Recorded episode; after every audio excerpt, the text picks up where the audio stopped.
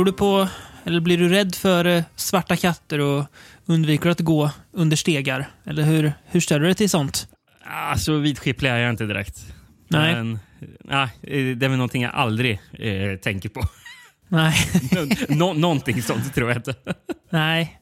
Vi har ju ändå vi har ju en, en vän som, eh, jag vet inte hur mycket han tror på vidskepligheter, men han... Eh, faktum är väl det snarare att han vill tro på spöken. Jag, vi vet egentligen inte om han faktiskt gör det eller om det är en vilja att tro på det. Ja, Men vi ja. har ju varit iväg på två eh, så här, hemsökta hus då, som de ska vara eh, i Sverige med honom. Förmodat hemsökta. Ja, men precis, jag menar det. Hemsökta hus inom gigantiska citationstecken.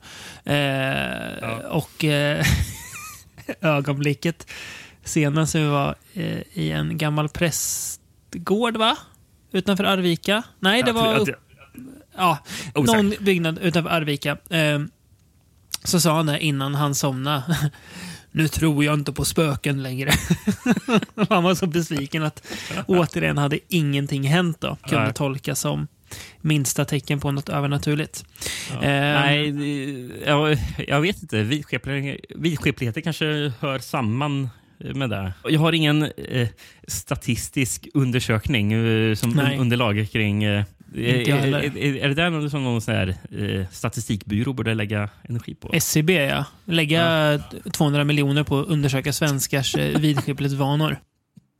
Jag hade kunnat, väl investerade pengar. Ja, ja. ja. Det är ju Troligen mer intressant läsning än många andra undersökningar. Sant. Ehm, ja, nej, men vi ska ju inte prata spökhus idag, men vi ska ju prata folktro i alla fall. Eh, Ja. Kanske inte så mycket vidskepligheter, jo en del, men framförallt folktro. Mm. Ehm, tanken var väl, alltså planen med det avsnittet var att det skulle vara ett häxavsnitt. Mm. Men jag tror du också kommer känna att det är ju snarare ett folk-horror-avsnitt det här blir. Alltså Ja, folktroskräck. Um, där det förvisso förekommer häxeri och häxor. Det, ja, för det förekommer väl ändå i alla filmer. Ja. Så, stämmer. Ja, Men eh, typ. jag, jag reagerade på när, eh, när jag gjorde lite research om filmerna. Mm. näst, nästan till alla eh, omnämns ju i den där, eh, det här, vad heter den, folk horror... Eh, Woodlands Dark and Days Bewitched. Ja. Eh, Som eh, när man kollar på IMDB, sån här, eh, Mm. en films connections, sån här, Mm. har den här filmen nämnts i något annat så står Mm. det alltid den där Woodlands. Ja. Nej, men det, det är ju trevligt. Vi var väl li, lite inne på det här när, vi kollade, när vi körde BBCs jul, julrysare förra året. För det var ju mycket så gamla folktrosägner och sånt som de Ja, så? berättelserna Ja. Mm. bygger på. Eh, och det är ju någonting otroligt mysigt att uh, gotta ner sig i, eh, tycker jag. Det här Mm. folktro på film i någon form av skräck eh, v- variant då. Ehm, ska vi börja med en något så ovanligt som en finsk film från 50-talet? Ja, det är Inte- väldigt ovanligt. Det är inte varje, varje år man ser en finsk film ens. Det händer ju ytterst sällan. Nej, Ehm, precis. Det är väl de få gångerna man har kollat på Aki Kaurismäki typ. Mm. Eh, Vi vet, vad har man annars sett för finsk film? Den här Sauna. Sauna, ja. Sen har det kommit någon film i år eh, som heter Hatching, som inte jag har sett än. Ja. Vad hette den där? Ra- Rare Exports var finsk va? Ja, just det. Den är ju finsk, ja. Mm, det stämmer. Den, var väl, den var i och för sig rätt, rätt kul. Ehm, Men det, mm, det, det tillhör ju inte vanligheten. Nej, verkligen inte. Men vi kan börja med den här då. Och jag, jag, jag, tänker, jag tänker ta mig vatten över huvudet nu, Rickard, och köra titeln på finska. Ja men vad bra, Eh. det hoppades jag på. Eh, Och titeln är då Noita Pala Elemen.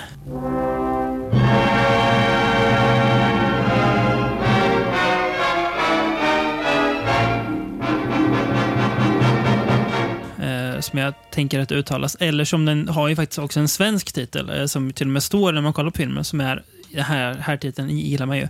Häxan går igen. Ja, Eh, det Mycket är, bra titel. Det är riktigt bra. Är det. Ehm, jag översatte den finska titeln och det är rätt så snarlikt Häxan kommer tillbaka till livet. Mm, just det. Mm. Ehm, men eh, Nojta tror jag är rätt så korrekt. Ju- Just det ordet i alla fall. För det hörde jag gång på gång de säga i den här Mm. Ja. filmen. Så vi kan förstå att Nojta är häxa. Precis. Eh, Eh, det vore ju guld nu om du hade en finsk VS på den här, men du kanske vill dra lite alternativa titlar först komma på. Det finns ju i alla fall ett par. Ja, ett par. Ett fåtal har jag. Mm. Eh, engelska hette den Return of the Witch. Så det är ju Mm. också samma grej. Mm. Eh, och sen så har vi två an andra titlar som är rätt så lika varandra, men jag drar bara. Eh, Mm. Frankrike. Mm. Farliga är de klara nätterna. Mm. Det, den titeln gillar jag. Mycket, mycket bra titel. Mycket bra Eh, titel. Den, är, ja, men den, den klingar riktigt bra. Eh, sen Ja. Tyskland är rätt så lik, fast jag gillar den franska bättre i ordvalen. Men de Mm. ljusa nätterna är farliga. Mm. Nej, då är klar, den, klar, det var eh, ordningen på orden som gjorde att den franska lät bättre. Precis. Fick en lite mer eh, poetisk klang också nästan i Ja, den ja, men eh, precis. ordföljden. Så det, det, ja, mycket bra. Mycket bra titel. Har du fler Men- än så? Nej, det var det. Nej. Och Mm. som du var lite kort inne på där, jag har Mm. hittat en finsk Ja, virus. bra. Jag tänkte väl det. Vad, vad står det? Mynti Cassetti. det står det. Eh, på ryggen. Eh, Jag vet inte. eh, Det kanske är hyrkassett kanske? Ja, det kan det nog vara. Bara rent gissat. ja, men det, det låter ändå någonstans logiskt, även om man inte kan använda logiska språkregler på finska för att det är ett helt annat eh, Familj, språkträd. Språkfamilj. Ja, precis. språkträd, ja. Häxan återvänder till livet är en unik erotisk skräckfilm i den finländska filmens historia. I den gräver en arbetsnarkoman antropolog mot alla varningar upp en grav där enligt traditionen vilar en ung kvinna som dödats som häxa. Berättelsen blir sann. En naken skönhet dyker upp från träskets gömställen som herrarna blir kära i och som folket fruktar och hatar. Häxan återvänder till livet är baserad på Mika Valtaris skräckspel. ja. Mir, Mirjam... kan, kan det vara alltså, spel som i pjäs kanske? Ja, det Play, är det. tänker jag. Ja, Ja. måste vara det. Ehm, Mm. Det, det är. Mirjam Mane dyker upp i filmen i sin genombrottsroll som en häxa vars nakenhet förskräckte censurmyndigheterna i början av 1950-talet. Mm. Ja, men jag, jag Mm. läste den. Den klipptes rätt ordentligt, eh, filmen Mm. i Finland. Det kan jag förstå. Alltså, jag blev ju chockad av att det var så mycket. Alltså, hon är ju naken väldigt mycket och naken är ju då inte bara att du får se liksom ryggen och lite hud, utan hon är ju i vissa scener fullfrontal. Mm, ja. Eh, och, ja, men det, så den känns Det- väldigt ja. vågad eh, för sin Mm. tid för att vara 1952. Då. Eh, Ja. och, och, då, och det är inte bara liksom med nakenheten, för det är liksom filmen, i alla fall hon är liksom så här, osar ju av sexualitet. Liksom. Och det, Mm. det känns ju någonting som kanske inte heller var helt Nej. okej då. Liksom. Det, det är väldigt mycket så jag- anspel på, på, på det. Och, Mm. Men jag tänker också just det här, eh, alltså, och, alltså dels då att det är sexualitet men också att det är liksom kvinnlig sexualitet som ju ja. tog ännu längre tid att bli okej på film än vad Mm. sexualitet överhuvudtaget gjorde. Ja. Eh, Nej, jag, jag, jag, jag, ja. tänkte ju när jag, när jag såg det, när hon, eh, för hon, det är ju scen i filmen då hon dansar omkring helt näck Mm. på en myr. Eller Mm. det träsket som de pratar om. Här. Mm. Eh, men jag tänkte så här att eh, ofta, ofta brukar det ju pratas om det är så här filmhistoria så när man, när man ska ta Alltså, sätta allting, sätta allting i någon kontext. Eh, pratas ju alltid om eh, Sommaren med Monica. Eh, Mm. Som ett exempel på eh, en film som fick fick uppmärksamhet för att den innehåller eh, rätt så lite naket där, men det är ändå Mm, naket i mm. den eh, Ja. som dyker upp. Eh, och det var väl rätt otänkbart på den här tiden. Den Fick Mm. uppmärksamhet i USA bland annat. Jag, vet, jag har ju läst, eh, i Japan såg man ju Sommaren med Monica och tänkte bara oh. Eh, det här, det här var Var någonting vi inte hade sett. I samma veva kom, kom väl den där också, Hon dansade en sommar. Ja. Som väl var Arne Mattsson-rullen. Där jag, tror till och med, jag, jag vill minnas att på Degerfors bibliotek så hade de den filmen på VHS. Och jag tror jag, och om minnet inte ljuger, så är var omslaget till VHS-kassetten när hon kvinnan ligger i gräset topless. Och det såg man liksom på omslaget. Eh, Alltså. Och Det var ju lite, det var lite häftigt när man var tio och såg det där VHS-omslaget och tänkte oj, oj, oj. Har, de, har, har de porr på bibblan? Och, nej, det hade de inte. Men eh, de nyanserna hade man ju inte riktigt som tioåring. Det var ju, Ja. allt, allt naket var ju porr. Liksom. Ja, men det jag ville komma till bara eh, kort med gällande Sommar med Monica, Mm. att den alltid nämns som ett exempel. I att Sommar med Monica kom 1953, året efter den här. Mm. Och är ju som du säger också Tamare. Ja, precis. Betydligt mer oskyldig. För även om den också någonstans pratar om så här, en friare syn på sexualitet så är den här, den här har ju något mer så här ursexualt i. Alltså så här, det här sex som någon slags primal drivkraft hos människan har ju den här men- filmen mycket mer. Medan Bergmans film är mer så här, sexualitet i en social kontext. Och är den här Mm, mer mm. sex som en naturkraft och kvinnan som då representerar det här, det här farliga sexet. Ja, men precis. Eh, eh, eh, Miriam Ane då, som spelar Birgit, som hon heter. Liksom. eh, kul. Eh, nej, men, eh, alltså, hon är ju mer som någon slags väsen. Eh, och Det har, har ju med den där naturkraften som du pratar om. Mm. Nästan lite som ett skogsrå, minus den där hemska ryggen då, som ett skogsrå kan ha. Men Ja. det är just att hon, hon bara sveper in och förför män. Mm. Mm. Och, och Ja, jag nej, tycker men, att, eh, får man säga, att jag, jag, jag läste att hon fick rätt så mycket så här kritik för sin skådisinsats. Att folk skrev att hon var dålig. Så här. Jag tycker ju hon är Mm. väldigt bra. Eh, Jag, jag, Ja. jag gillar henne. Jag tycker hon är ju, jag tycker nog hon är bäst i filmen. Eh, och det Ja, ja, det- alla, definitivt. alla, alla perversa från Beyond-lyssnare, men det är inte för att hon är naken mycket. Nej, Nej, så, men- så mycket är det ju faktiskt inte heller. Nej, så, det är det inte. Det, det, det, det är bara det att det är förvånansvärt mycket alltså, för att vara eh, den här Precis. tiden. Alltså, man sätter det i kont- i kontexten vilken tid det är. Eh, Exakt. I, i, det, I det, det fallet är det liksom mycket.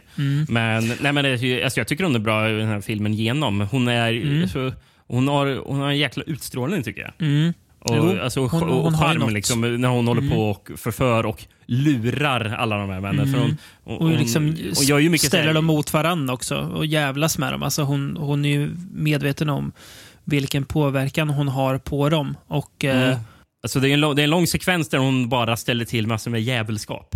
Exakt. Det, det, som, det som är känns som att... roligt. När hon, det här, eh, jag vet inte om det är någon som har någon pinne vid någon fot. Och bara, oh, är det en Mm. orm? Och sen bara, är det en orm som...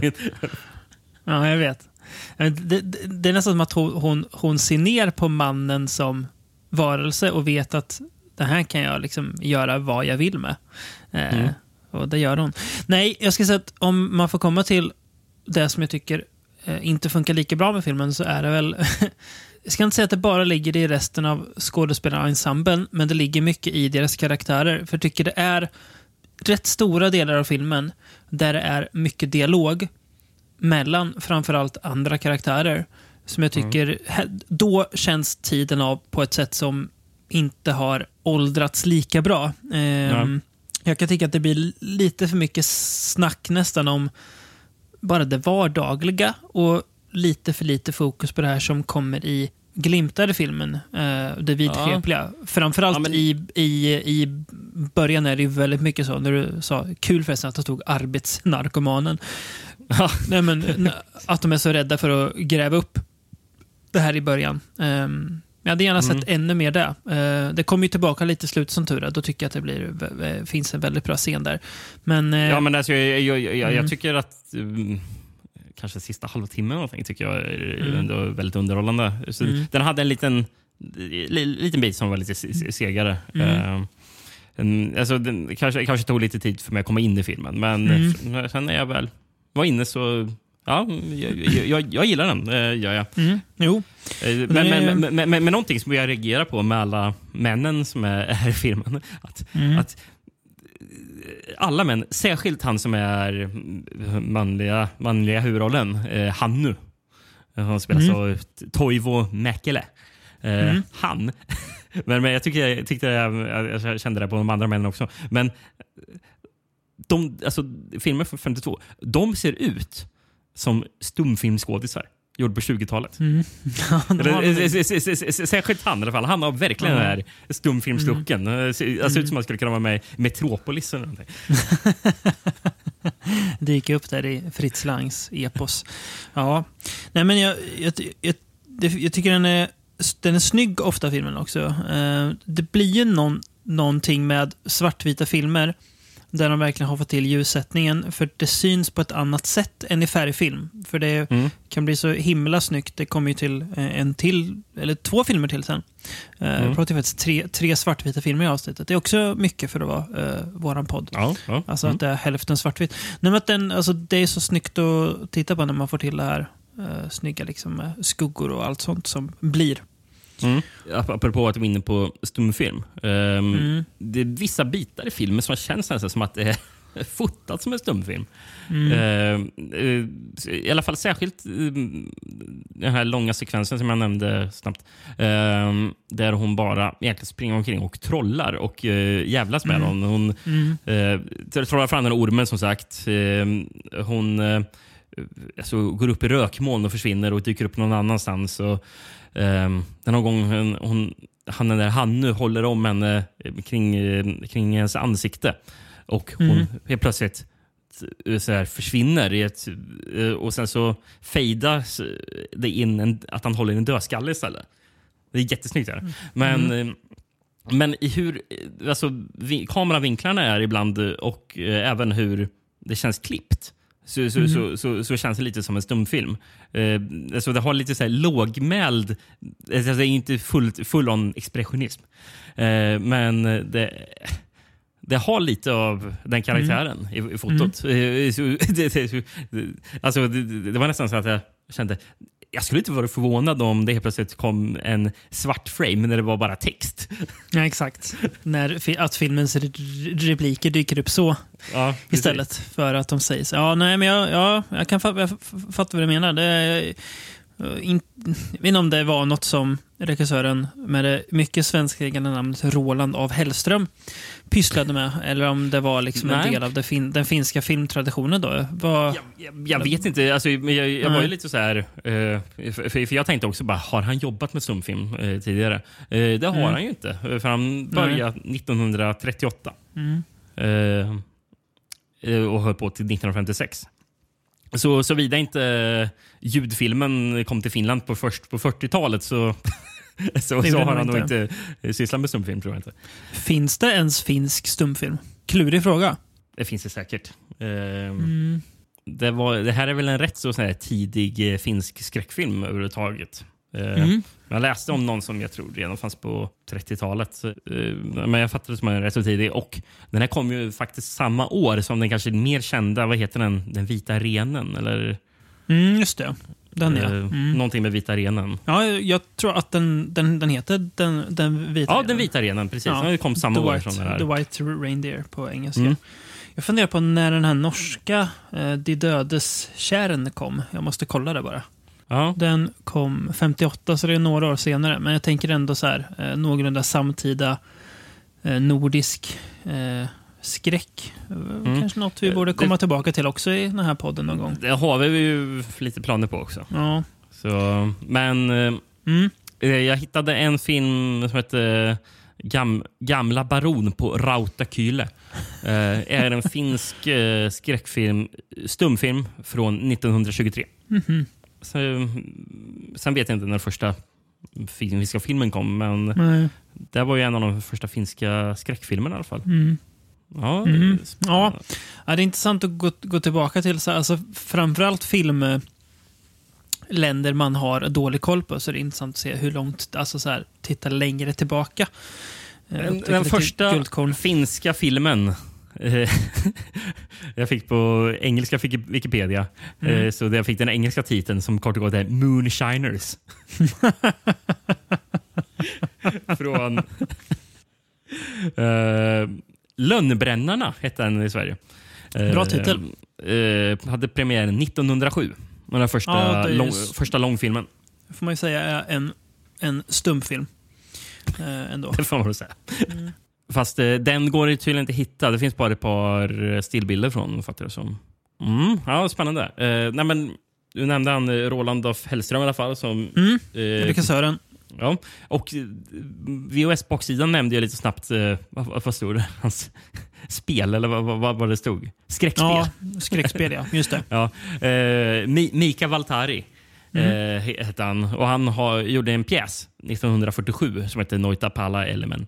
Så det är det bara baserat på. Och han Mm. gjorde mycket pjäser och sånt. Eh, och fattar jag som rörde sig lite så här fantasy också. Mm. Och sånt eh, så här tidigt. Ehm, jag läste att George R.R. Martin har ju nämnt Mika Valtari som en influens. Mhm. Så ja, det är coolt. Oväntat, men ja, kul också. Mm, ja. Och sen så mm, manuset som skrev, skrevs av Roland af Hellström tillsammans med Carlo Norvala. och det enda jag hittade på han, Carlo Norvala, eh, var att på 40-talet var han chefsredaktör för finska nationalsocialistiska partiets tidning. Mm, Aj då. fräscht. alltså, nu, tänk om vi blir cancellade nu, Rickard, för att vi pratar om en film som skrevs av en eventuellt fortfarande aktiv ideologiskt äldre, i alla fall, i alla fall före detta nazist. Det är Ja, men den, farligt den att vara inne kan ju på inte den här leva, marken. kan inte göra. Carlo Nej, men jag menar att vi, att, att vi ens nämner han- hans namn kan ju vara farligt i vissa kretsar. Ja, han, han dog Nej. 67, så... Jag, vet jag tror inte att våra lyssnare är så cancel... Eh, eh, jag, jag tror inte att vi har så många cancel-ivrare bland våra Nej, nej. lyssnare som tänker att det, det är okej. Vi, vi vet att Rickard och David inte har varit redaktörer på finska nationalsocialisterna i alla fall. Det är det som är hu, huvud, huvudsaken, Vi har ju också pratat film av andra eh, tvivelaktiga personer. får man säga. Vi har ju pratat film av Roman Polanski också. Så det, Ja. Men ja. Eh, Mm. jag, Ja. vet inte, jag, har inte, jag, jag tror inte jag har något mer om The Witch. Vi kan eh, gå vidare till en eh, kändare film av en, ja, i alla fall för säkert vår lyssnarkrets, kändare regissör. Vi åker till... Tro- troligtvis, va? Precis. 1960. Åtta år senare, men stannar kvar i svartvitt. Mm. Men åker ner söderut till Italien och då tänker folk åhåhå, ska de prata om Mario Bava nu eller? Och jajamän, det ska vi. Och då har ni säkert redan klurat ut att det är Black Sunday vi ska prata om. horror, anguish, and terror are powerful words. But more than words, the chill language of living images shows that the Mask of Satan is a picture of unparalleled emotion. It tells a tale of a strange, dark fascination set in a spine-chilling atmosphere of fear. It's death! I've just seen death! Lambacera di Demonio som de heter på eh, italienska. Ja, typ Sat- djävulens, ja, Djävulens mask. eller något sånt. Ja, precis. Mm. Eh, I Sverige heter den Djävulsmasken. Just det. Eh, I Danmark heter den Djävulens mask. Ja. Ja. Eh, I USA så var ju betydligt sämre. Ja, Bl- Black Sunday heter den väl förvisso oftast, eh, även i USA tror jag. Men jag hittade en alternativ titel på den i USA, Fright. Förstår inte vilken dåre som kom på att det här ska vi sälja in filmen som istället. Den här generiska titeln ska vi ha på den här, här filmen. Ja. Ja, Eller House of Fright som också är en titel. Ehm, eh, Eng- England tyckte väl att vi ska låtsas som att filmen är något helt annat än vad det är. Eh, Så de gav filmen titeln Revenge of the Vampire. Ja. Men inte, men inte helt fel ute. Men Ja, men det är inte det är inte rätt ändå. Ja, precis. Alltså, men alltså, det, det, det låter ju som att de ville få den att låta som en Hammer-film. Ja, det, det är sant. Det är sant. Nej, och det är det inte. Eller, nej det är det inte. Men ändå lite eh, i viss stämning Ja. och sådär. Men in, in, inte där. Och Japan, blodig gravsten. Ja. Ja. ja. Eh, och men sist, Österrike. Den här är ju väldigt inkorrekt, men den är väldigt rolig. För att den är så eh, fel. Mm. Timmen när Dracula kommer. ja. Nej, det är ju inte så mycket Dracula med i den här filmen, kanske. Eh, Nej, inte så mycket säga. va? Nej. Eh, har du någon... eh, eh, har du någon handling att läsa upp för oss?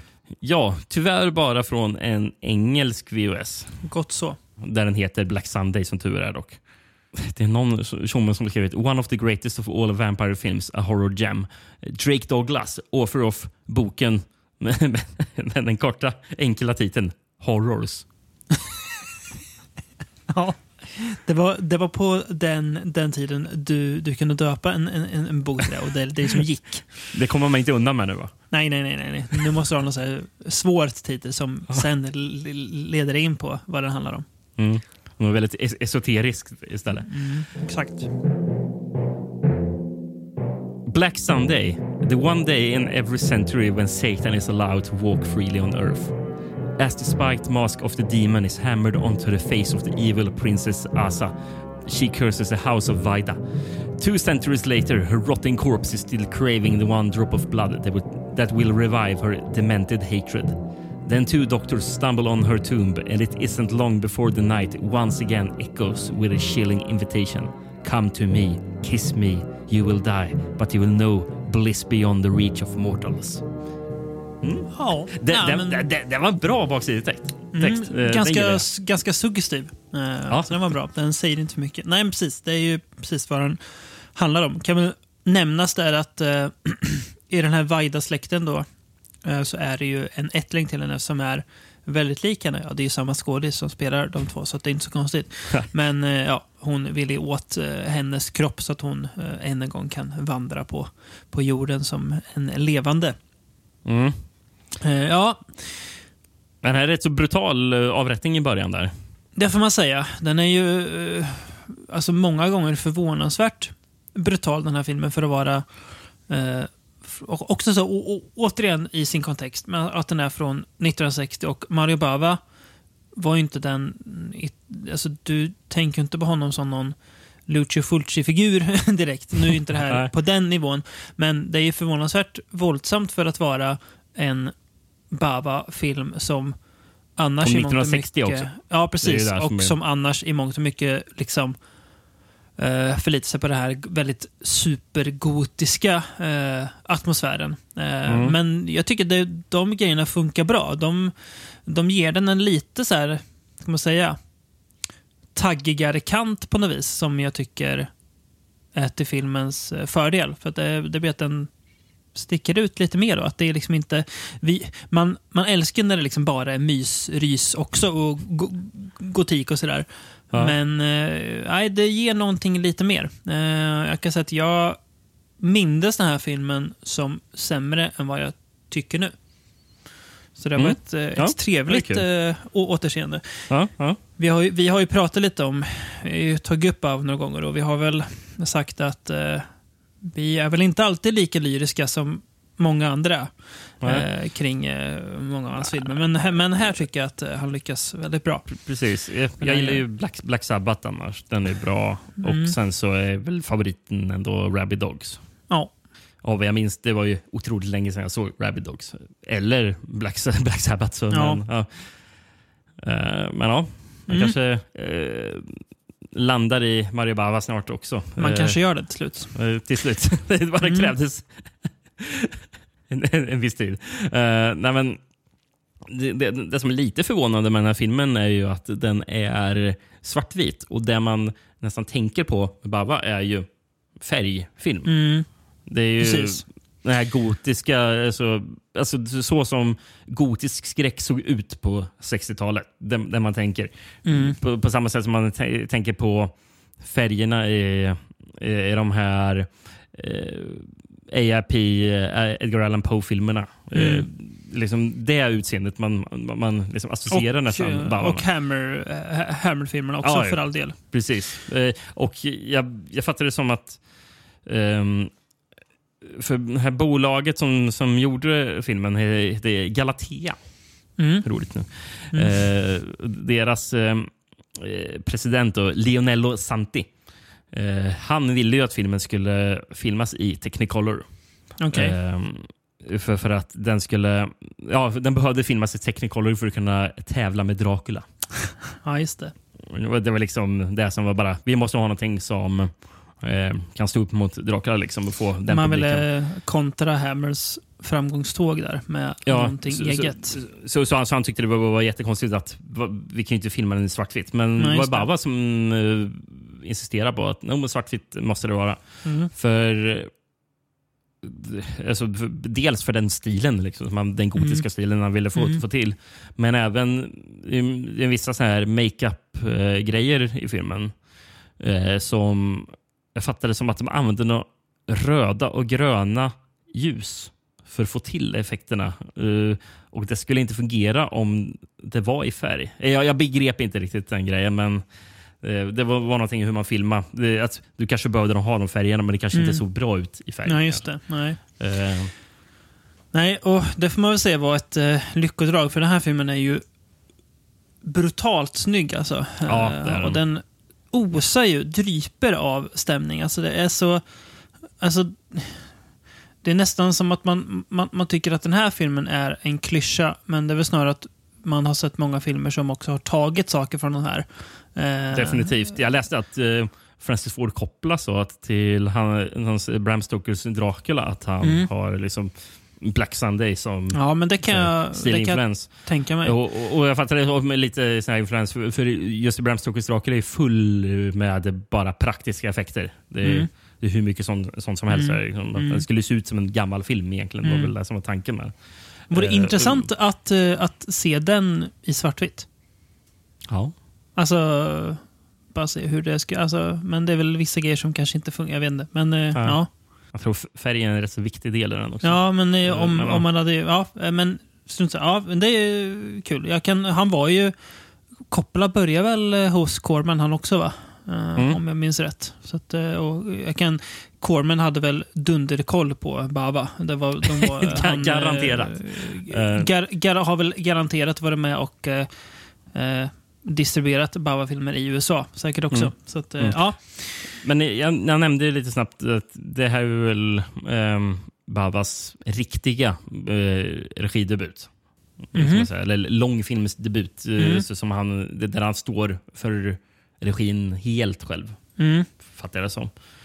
Eh, för han jobbade som filmfotograf på 50-talet. Eh, och sen så är, står han som typ uncredited eh, på regi på eh, filmerna Kaltiki, The Immortal Monster och The Giant of Marathon. Mm. Eh, sen vet jag inte, jag, jag tror det finns någon, någon mer där. Men jag fattar det som att Black Sunday är det första riktiga som han verkligen Mm. får göra Okej. själv. Ja. Eh, och, och då var det ju det var ju den här Galateas eh, president Lionel Santi som, eh, em, som erbjöd eh, Baba att han skulle Mm. få göra en film för, alltså egentligen som, som, som var gjord för den utländska marknaden. Var den. Mm. Så, och, och, och då han ville ju särskilt just kapitalisera på framgången med Terence Fishers eh, Dracula. Mm. Ehm, Så det, det var väl därför han ville att ja, till exempel den ska filma Technicolor och så för att den ska se ut som. Ehm, och det var väl Bava som började skriva manuset också på den. Ehm, eh, även fast han, tror jag, jag vet inte hur mycket som egentligen är kvar från eh, hans eh, outline som han började med. Men det, den började ju som att den var baserad, löst baserad på Nikolaj, Nikolaj Gogol hans eh, eh, novell Vi. Ja, just det. Mm. Som, det finns en mer eh, fem, f- känd rysk version från 67, va? Eh, ja, något sånt där. Jag tror det. På tal om folk, folkhorror. Ja, den passar ju verkligen in i, i det här Mm. temat, eh, Vi. Um, och jag läste någonting att uh, Vi, eh, Bava läste eh, den för sina barn när de skulle lägga sig. Den novellen. Så, Jag, Lamber- jag, tror den, jag, jag tror den är rätt så otäck. Den, den. Lamberto Bava fick alltså höra... Eh, Ja, just det, just det är Lamberto Bava. Ja, Ja, ja. det. Ja, tänkte jag inte på. Ja, ja, precis. Det var kanske därför Lamberto Bava blev som han blev. Ja, precis. Att han skänkt oss Demon sen, eh, några decennier senare. Ja. precis. Eh, men eh, sen så när, när Bava hade skrivit eh, sin sån här treatment, man ska säga. Mm. Eh, där eh, Leonel Santi tyckte väl att ja, det, det, det duger inte. Och hyrde då in Galateas främste manusförfattare Ennio De Concini, eller Concini som hade skrivit eh, två Hercules-filmer innan eh, som Bava hade jobbat som fotograf på. Mm, Okej. Eh, och även The Giant of Marathon. Um, För, för, för, för att göra Babas manus till någonting som, som fungerade som ett riktigt manus. Jag var tvungen att gå in och, eh, och kolla Babas eh, filmografi nu bara. Såg jag så Mm. Första så här, 1937, jag tänkte vad tusan. Men det var ju att han jobbade mycket så här med lite allt möjligt. Title designer och grejer. Så han har ju Ja, gjort jättemycket innan han började regissera själv, som du sa. ja men Så, precis. Verksam länge inom film. Ehm, Ja, mm. och eh, Ennio Concini som sån här främst creditad för manuset. Han har ju s- till exempel skrivit Four of the Ap- Apocalypse Mhm. och ehm, The Colossus of Rhodes som vi har sett i podden. Intressant att han skriver For the Apocalypse som ju är väldigt olikt det här. Det kan ju vara att Fulci hade en viss påverkan på hur den filmen Ja. blev också. För den känns ju så väldigt mycket som hur, hur skulle det bli om Fulci gjorde en western? Jo, så här skulle det bli då. Just Det, det. det, det som också kan eh, ha att göra att att, att eh, det kan kännas, känns olik är ju att eh, för Sergio Leone har ju sagt Mm. att eh, om eh, De Concini, som ja, han skrev Colossus of Rhodes som är Sergio Mm. Le- Leones film. Mhm, mhm. Och, och eh, sa om Concini eh, was far better at improvising stories live in front of producers than writing them down. Ja. Eh, och eh, jag fattar det som eh, Tim Lucas som har skrivit här böcker Mm. om Baba. Yes. Eh, har, eh, är det han som har skrivit den där stora Baba-boken? Mm, det är det. Ja. Hur många sidor är den? Den är väl gigantisk? Han jobbade ju på den extremt, extremt länge. Uh, den heter väl... Vad heter den? Ingen aning. Jag måste kolla. Ja, men den, den är ju hundra... Alltså så här, måste, ja, men jag måste kolla. Vänta lite. Nu blir den... Jag vet att den var ju så här, en, för, en förbokningsbok länge. eh, Mm. Som man kunde... Ja, jag vet att det pratas om ju- snart, snart kanske den här Baba-boken släpps. Sju. Den heter Colors of Dark. heter den. Ah, Eh, okej. Mm. Eller nej, all, den heter all, the colors of the, all the Colors of the Dark. eh, Mario Okej, Bava. mm. Och den är, ska vi se, det är en bjässe, eh, den här boken. Eh, den väger alltså 6 kilo och är 1128 sidor lång. Herregud. Eh, Så att om det är någon som har kunnat eh, Bava så är det ju Tim Lucas, sannerligen. Eh, han kan ju mycket annat också, men det är framförallt Bava som har blivit, blivit hans grej. Han hade väl den här eh, ehm, tidningen också, Video Watchdog, som som så här, typ nästan fanzine-aktigt. Mm. Okej. Eh, ja, nog om Ja. Tim Lucas. Han är i alla Ja, men, eh, ja, men Tim Lucas hade ju, här, har ju en teori om att, eh, att eh, Concini kanske mest stod för idéer till vad som Mm. blev Black Sunday, men, eh, men kanske inte skrev så mycket av manuset. nej, att det var, att det Eh, var för, Bava själv då, eller? nej, utan att det var Marcello Coscia. Okej. Ehm, men sen så dök man ju upp i, ner i kaninhålet för... eh, Sen så hittade jag en lista där det sades mycket mer. Eh, jag, säger, jag läser bara rakt upp på engelska det här för det är Mm. enklast. Mm. The film's credits eh, list only the, the Concini and the film's editor Mario Serandrei as the screenwriters. Så det var ett till namn. Mm. Uh, official papers archived at the Centro Sperim, Speriman, eh, Sperimentale di Cinematografia Library in Rome credit Bava, Serandrei, De Concini and Coscia, as well as Dino De Palma. Others pay, eh, other papers also credit Fede Arnaud, Domenico Bernabei, Walter Bedogni, Lucia Torelli and Maria Nota. Så bara, vem stod egentligen för manuset? Oväntat att så många kockar eventuellt då ändå lyckades skapa en så här bra soppa. Annars brukar man ofta Ja, dra, ö, dra ö, öronen åt sig när det är många För- manusförfattare. Men sen undrar jag ju också om det är bara att det är... Det är väl säkert den här Tim Lucas som har grävt i massor med arkiv och sånt där. Mm. Ehm, för frågan är ju, alltså, även han, andra filmer där det står en manusförfattare, undrar hur mycket egentligen som bara är den personen. Mm. Och det, för det går säkert igenom på bolaget massor med så här, eh, editors och, som, eh, grupper som sitter och arbetar med den. Så, Mm. Men de kanske inte skrivs ner på samma sätt. Nej. Eller så fanns de, kanske de finns i något arkiv. eh, Mm. Ja, bra, mycket bra Men, men det är aldrig Ja, någon som, som kollar upp det. Intressant att de lyckas hitta så mycket ändå.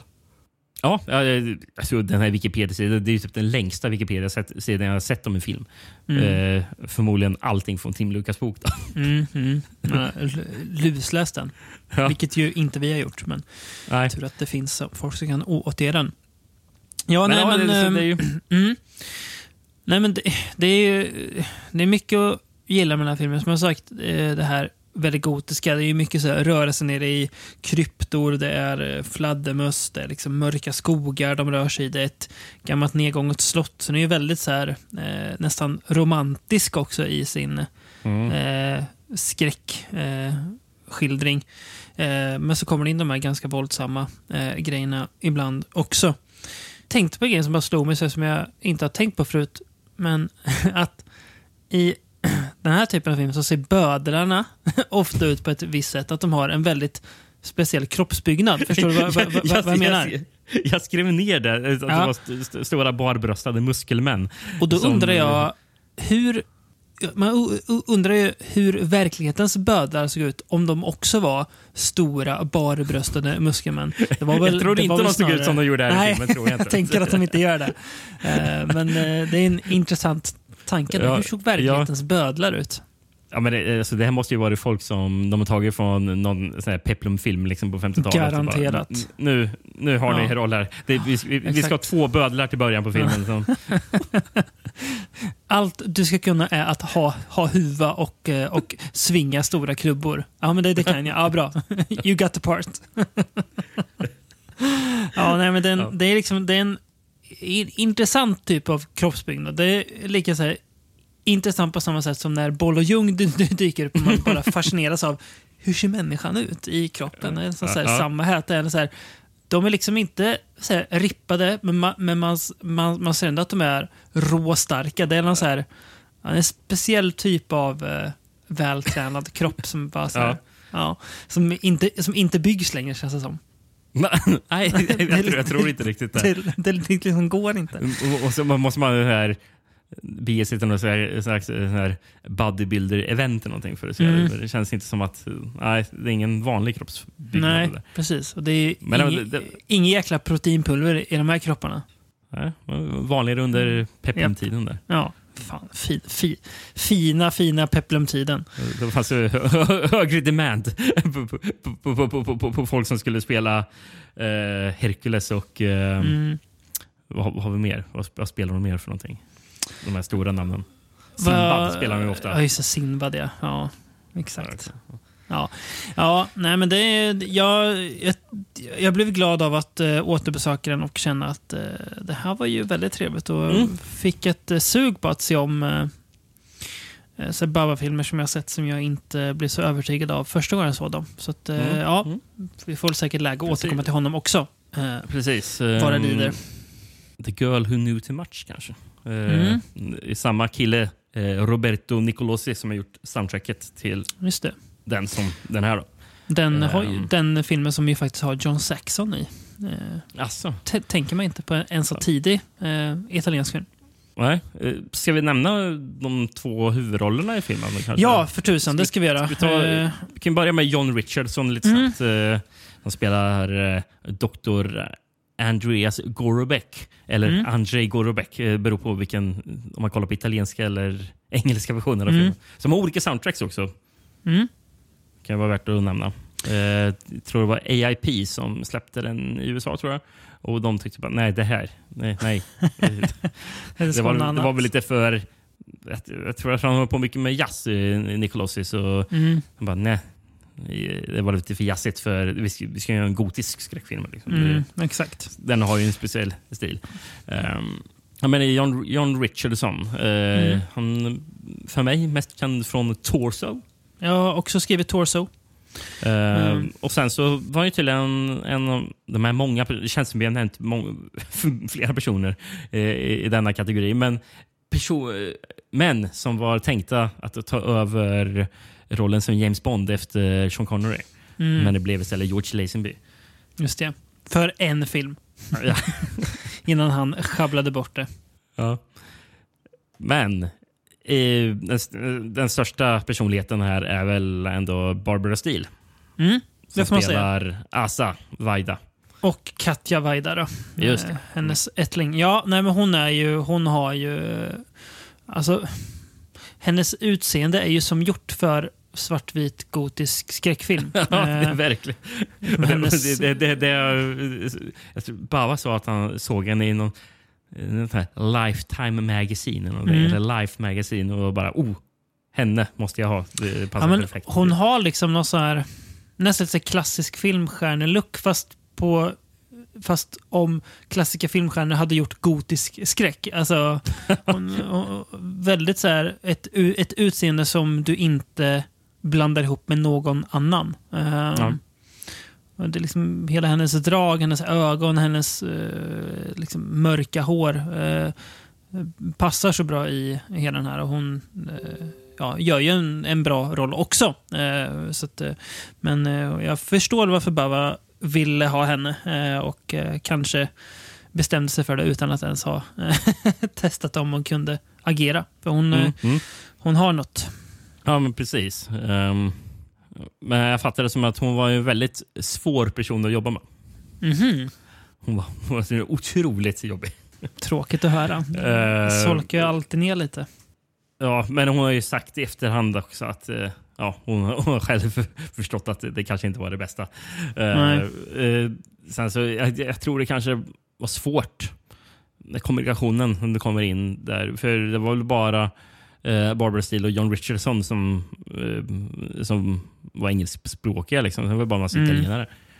Eh, så ja, Det är kanske svårt för vissa personer att finna sig där. Bava har sagt att eh, om en den här, Steele was half crazy, afraid of Italians. Och, och så här, men hon dök upp sent till set hela tiden. Och, eh, Mm. eh, och Det var någon gång eh, som hon, hon inte dök upp. Så eh, Ar- Arturo Dominici, som det där väldigt konstiga utseendet eh, som karaktären Igor. Här, Mm. eh, i- Just det, han ja. Mm. Han har ju väldigt säreget utseende. Mm. Mm. Han, han, han, han, han, ser ut som någon sån här gammal slavisk krigarkung Mm. eller någonting. Så ser han ut. Ja, jag fattar vad du menar. Ja. Eh, nej, men, men det är så, så, så hon dök aldrig upp. Och medan, medan de väntade så stod ju Arturo Dominici i, någon, eh, i den här kostymen liksom, och det var varmt. Så, här, så han svimmade när de väntade på Barbara Steele. Eh, Att de tog så lo- lång tid på sig. Ja. Och sen så det, det, det, det märkligaste och roligaste bland de, de här konstiga neuroserna hon verkar ha haft eller, Mm. eh, var att eh, hon trodde eller hon misstänkte Baba för att han hade uppfunnit någon speciell eh, typ av eh, film till kameran. Som gjorde att eh, skådespelarna, eh, alltså, alltså man kunde se skådespelarna som nakna. Mm. Jag frågar hur mycket av det här stämmer, men det, det, är, det är märkligt och kul. Det är kul. Ja, nej men det är trevlig återbekantskap eh, med eh, Bavas första film. Ska vi eh, åka över till eh, andra sidan Atlanten? Eh, är det väl vi ska, va? Eh, och, eh, Andra sidan Atlanten. För vi ska åka till England. ja, det är England vi ska till. Jag fick för mig att det var amerikansk den här filmen. Ja, det är en brittisk film tydligen. Det är bra att du, du, du har koll. Jag bara satt, satt s- till och med in på en av manusförfattarna som jag har fått för mig är amerikan, men det kanske han Ja, inte är. Men vi det- kommer det in på honom. Nej, Det vet jag inte, men det här är en brittisk film. I då alla fall. lite var lite därför jag jag tänkte, vad vad Atlanten? Andra sidan. Nej, han, han är i alla fall amerikan, han jag ska prata om eh, sen. Ja, yes, eh, filmen heter i alla fall, eh, vi säger väl den bästa titeln va? Eh, och eh, Ja, går det på... sen, den som är originaltiteln. Ja, Night of the Eagle från 1962. Eh, som då är en brittisk film som vi har kommit fram till. Are you superstitious? Just a little, perhaps? Are you a believer, or do you scoff at black magic? Then don't. For you cannot know what happens to those who have entered the mystic half-world, the smothering depth of despair, the breath-snatching heights of emotion, the terror that invades the very fiber of a human being when he or she holds hands with Satan. Why does it upset you so much to think that there's such a thing in this world as witchcraft? It's one of the oldest religions in the world. It just depends on what you believe in. När den sen släpptes i USA ehm, återigen av eh, AIP. och De ville ju marknadsföra den som en betydligt mer så här, klassisk ockult skräckfilm. Mm. Eh, och då döpte de, den, döpte de om den till Burn Witch Burn. Mm. Eh, vilket är väldigt så här, missvisande om filmens innehåll. Ja, det är det. Jag tycker till och med den affischen är väldigt så här, får det att se ut som någonting annat än vad det är. Eh, Eh, nej, det, det ser ut som något helt annat. Gör det. Mm. Det, det, det, det, alltså det får ju en att tro att det skulle mer vara Witchfinder General. Ja, exakt. Eh, trots att den inte hade släppts än. Då. Men, Nej, ja. men precis. Har den eh, några fler titlar än eh, dessa två? Ja, fyra andra. Eh, Brasilien, Satans dotter. Finland, Häxöga. Eh, Grekland, Det dödas hus. Och sist Danmark med Det mystiska kapell. Ja, då tycker jag vi kan hålla oss till Night of the Eagle, för det var väl Ja. den en enda som riktigt passade. Det, men den, den har ju lite, något lite sån här underlig... Eh, alltså man undrar, vad är Night of the Eagle? Låter, Mm, precis. vet, vet, du vad, vet du vad det också låter som? Nej. Otroligt mycket som en konspirationsthriller. Ja, det gör det. Vilket det ju lite är också. Nästan, alltså, i vissa, Ja, alltså, det, lite det har väl en ton av det. Liksom. Ja, Eh, tycker jag. eh, par, paranoia har det. Liksom. Mm, paranoia precis. Exakt. Det, det stämmer. Vad har du för... Ehm. eh, har du den finska VHSen på dessa? Har du, har du häxöga VHSen? Nej, tyvärr inte. Jag har Nej. bara en brittisk eh, VHS på den här. Mm. Men jag kan ju bara börja med att säga eh, en tagline, för jag hittade en gammal affisch. En Mm. brittisk affisch. Och då står det Don't see this picture unless you can withstand the emotional shock of a lifetime. Mm. Jag vet inte om filmen är så chockande, eh, men Nej. eh, vi återkommer till det sen. Du vet, du vet ju hur, hur många filmer man, för, man för, försökte sälja in sådär. uh, man var tvungen att ta i med orden. Här är ju faktiskt en Warner Brothers VHS. Eh, Mm. horror, horror Classics. Enter the shocking supernatural world of witchcraft in a critically acclaimed tale of terror based on Fritz Lieber's classic story Conjure Wife. Norman Taylor is hated by other university lecturers when rumors of a major promotion circulate. Hated so much someone pervades his life with sinister occult spells. Then his wife becomes a pawn in the diabolical conspiracy. He must fight the forces of darkness to save her soul from eternal damnation with a ritual in the house of the dead. A struggle to the death with a demonic stone gargoyle and a trip to the very gates of hell themselves. Va? Mm. Jag satt också och tänkte sig i början, så- ja, sen så bara, Vad är detta? Mm. Jag tänkte läsa upp rätt film ens. Ja, Men men filmen, handlar ju, filmen handlar ju snarare om att han är ju, precis, han är ju collegeprofessor och eh, är ju det i typ, ja, men folktro och sådär. Eh, är ju väldigt skeptisk själv och lär ju ut det till sina elever, alltså studenter också, att man ska vara skeptisk och att eh, Mm. folktro ofta grundar sig i eh, en rädsla eller sånt, alltså, sånt där. Eh, så kommer han ju på en dag, han börjar hitta massa grejer hemma. Så typ, han hittar någon, någon spindel i, i en byrå, sådär, eh, en torkad spindel. Så Han kommer ju på att hans fru pysslar lite med häxeri. Mm. Hon säger att hon gör det för att skydda honom. Eh, för att det finns människor som vill åt honom. Och han bara, men sluta nu, nu måste du lägga av med det här. Så han får ju henne att bränna alla de här sakerna. Eh, och kort efter han har gjort det så börjar ju saker och ting faktiskt gå dåligt för honom. Han blir till exempel anklagad för att ha eh, förgripit sig på en student, en tjej som, hon är ju förälskad i honom. Eh, Han Mm. visar ju inget sånt intresse alls. Eh, Nej. men eh, han undervisar ju även hennes pojkvän som är väldigt svartsjuk och vill ju också såklart sätta åt den här professorn. Då. Så det är Mm. snarare där filmen handlar om. Så här, vad är det egentligen? Är det någon, någonting eh, som faktiskt händer honom eller är det bara en slump? Eh, för han, han tror ju väldigt, väldigt länge att eh, eh, det är ju, sånt, sånt här finns ju inte. Men mm, Mm. Men eh, den här VHS kan vi i alla fall konstatera, den ljög ju typ om handlingen. den börjar ju rätt. Sen så blandar den in saker som inte riktigt. Det handlar ju ändå om att han ska skydda sin fru. Eh, ja, men Det är det är snarare, det är ju, precis, det är snarare hon som liksom offrar sig för att skydda honom. Eller, Det är ju och dem. Det är ju aldrig någon trip to the very gates of hell Nej. themselves vi får Nej, uppleva. det är det verkligen inte. Det är Det är ren ett, Ett psykologiskt hell. Jag vet inte. Ja, ja. Möjligen. Om man, om, om, om man vill dra det så långt. Nej, men jag blev... eh, Jag ska säga att när jag började kolla på den här filmen, för jag, jag hade eh, noterat den tidigare eh, med titeln Burn Witch Burn och tänkt att ja, men det är väl, utan att liksom kolla något om den, hade jag tänkt, ja, men det är väl en god 70-talsfilm. För det var så titeln och affischen fick den att kännas som. Ja, ja. Ehm, så när jag såg, aha, 62, intressant. Så, så när jag liksom började titta på den så kände jag, det här är ju typ ett drama ju. Alltså, som kretsar kring folk som pysslar, eventuellt pysslar med övernaturliga saker. Och det är ju, den blir ju mer skräckig sen, men den är ju ja, men så, här- så, drama i början. Den är väldigt snackig, men bra fortfarande. Eh, Mm, ja. tycker det intressant sätt att ta sig an eh, det här att eh, han den där superskeptikern eh, tvingas hantera det han eh, minst av allt vill hantera egentligen. Han vill ju inte ha något med det att göra. Han tycker bara det är Ja. dumt och nonsens. Ehm, så jag gillar liksom grundpremissen. Sen är det ju alltid det här, eh, kommer vi till eh, fler filmer sen, men att det när, när det moderna samhället möter det gamla vidskepliga och den krocken som då, då blir. Mm. Eh, väldigt intressant i den här också. Precis. Uh, fjärde, eller eh, tredje svartvita filmen. Precis.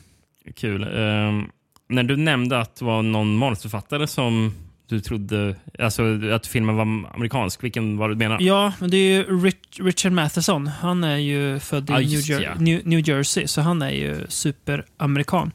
Det, var, Mm. det, var, det var därför jag tänkte att filmen var amerikansk, men han gjorde väl säkert lite...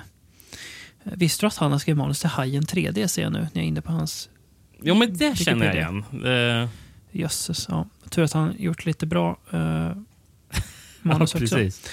Eh, nej, men, eh, för sen har vi även eh, Charles Beaumont står också Mm. som manusförfattare. Eh, jag, vet, jag tror att eh, Richard Matheson och Charles Beaumont båda eh, samarbetar lite. Mm, ja, precis. Ja, han, är inte, precis. han är inte ensam manusförfattare, utan han... Men jag, jag, nej, men att jag, du, förutom den här filmen, att de... eh, Mm, de har gjort eh, lite fler grejer.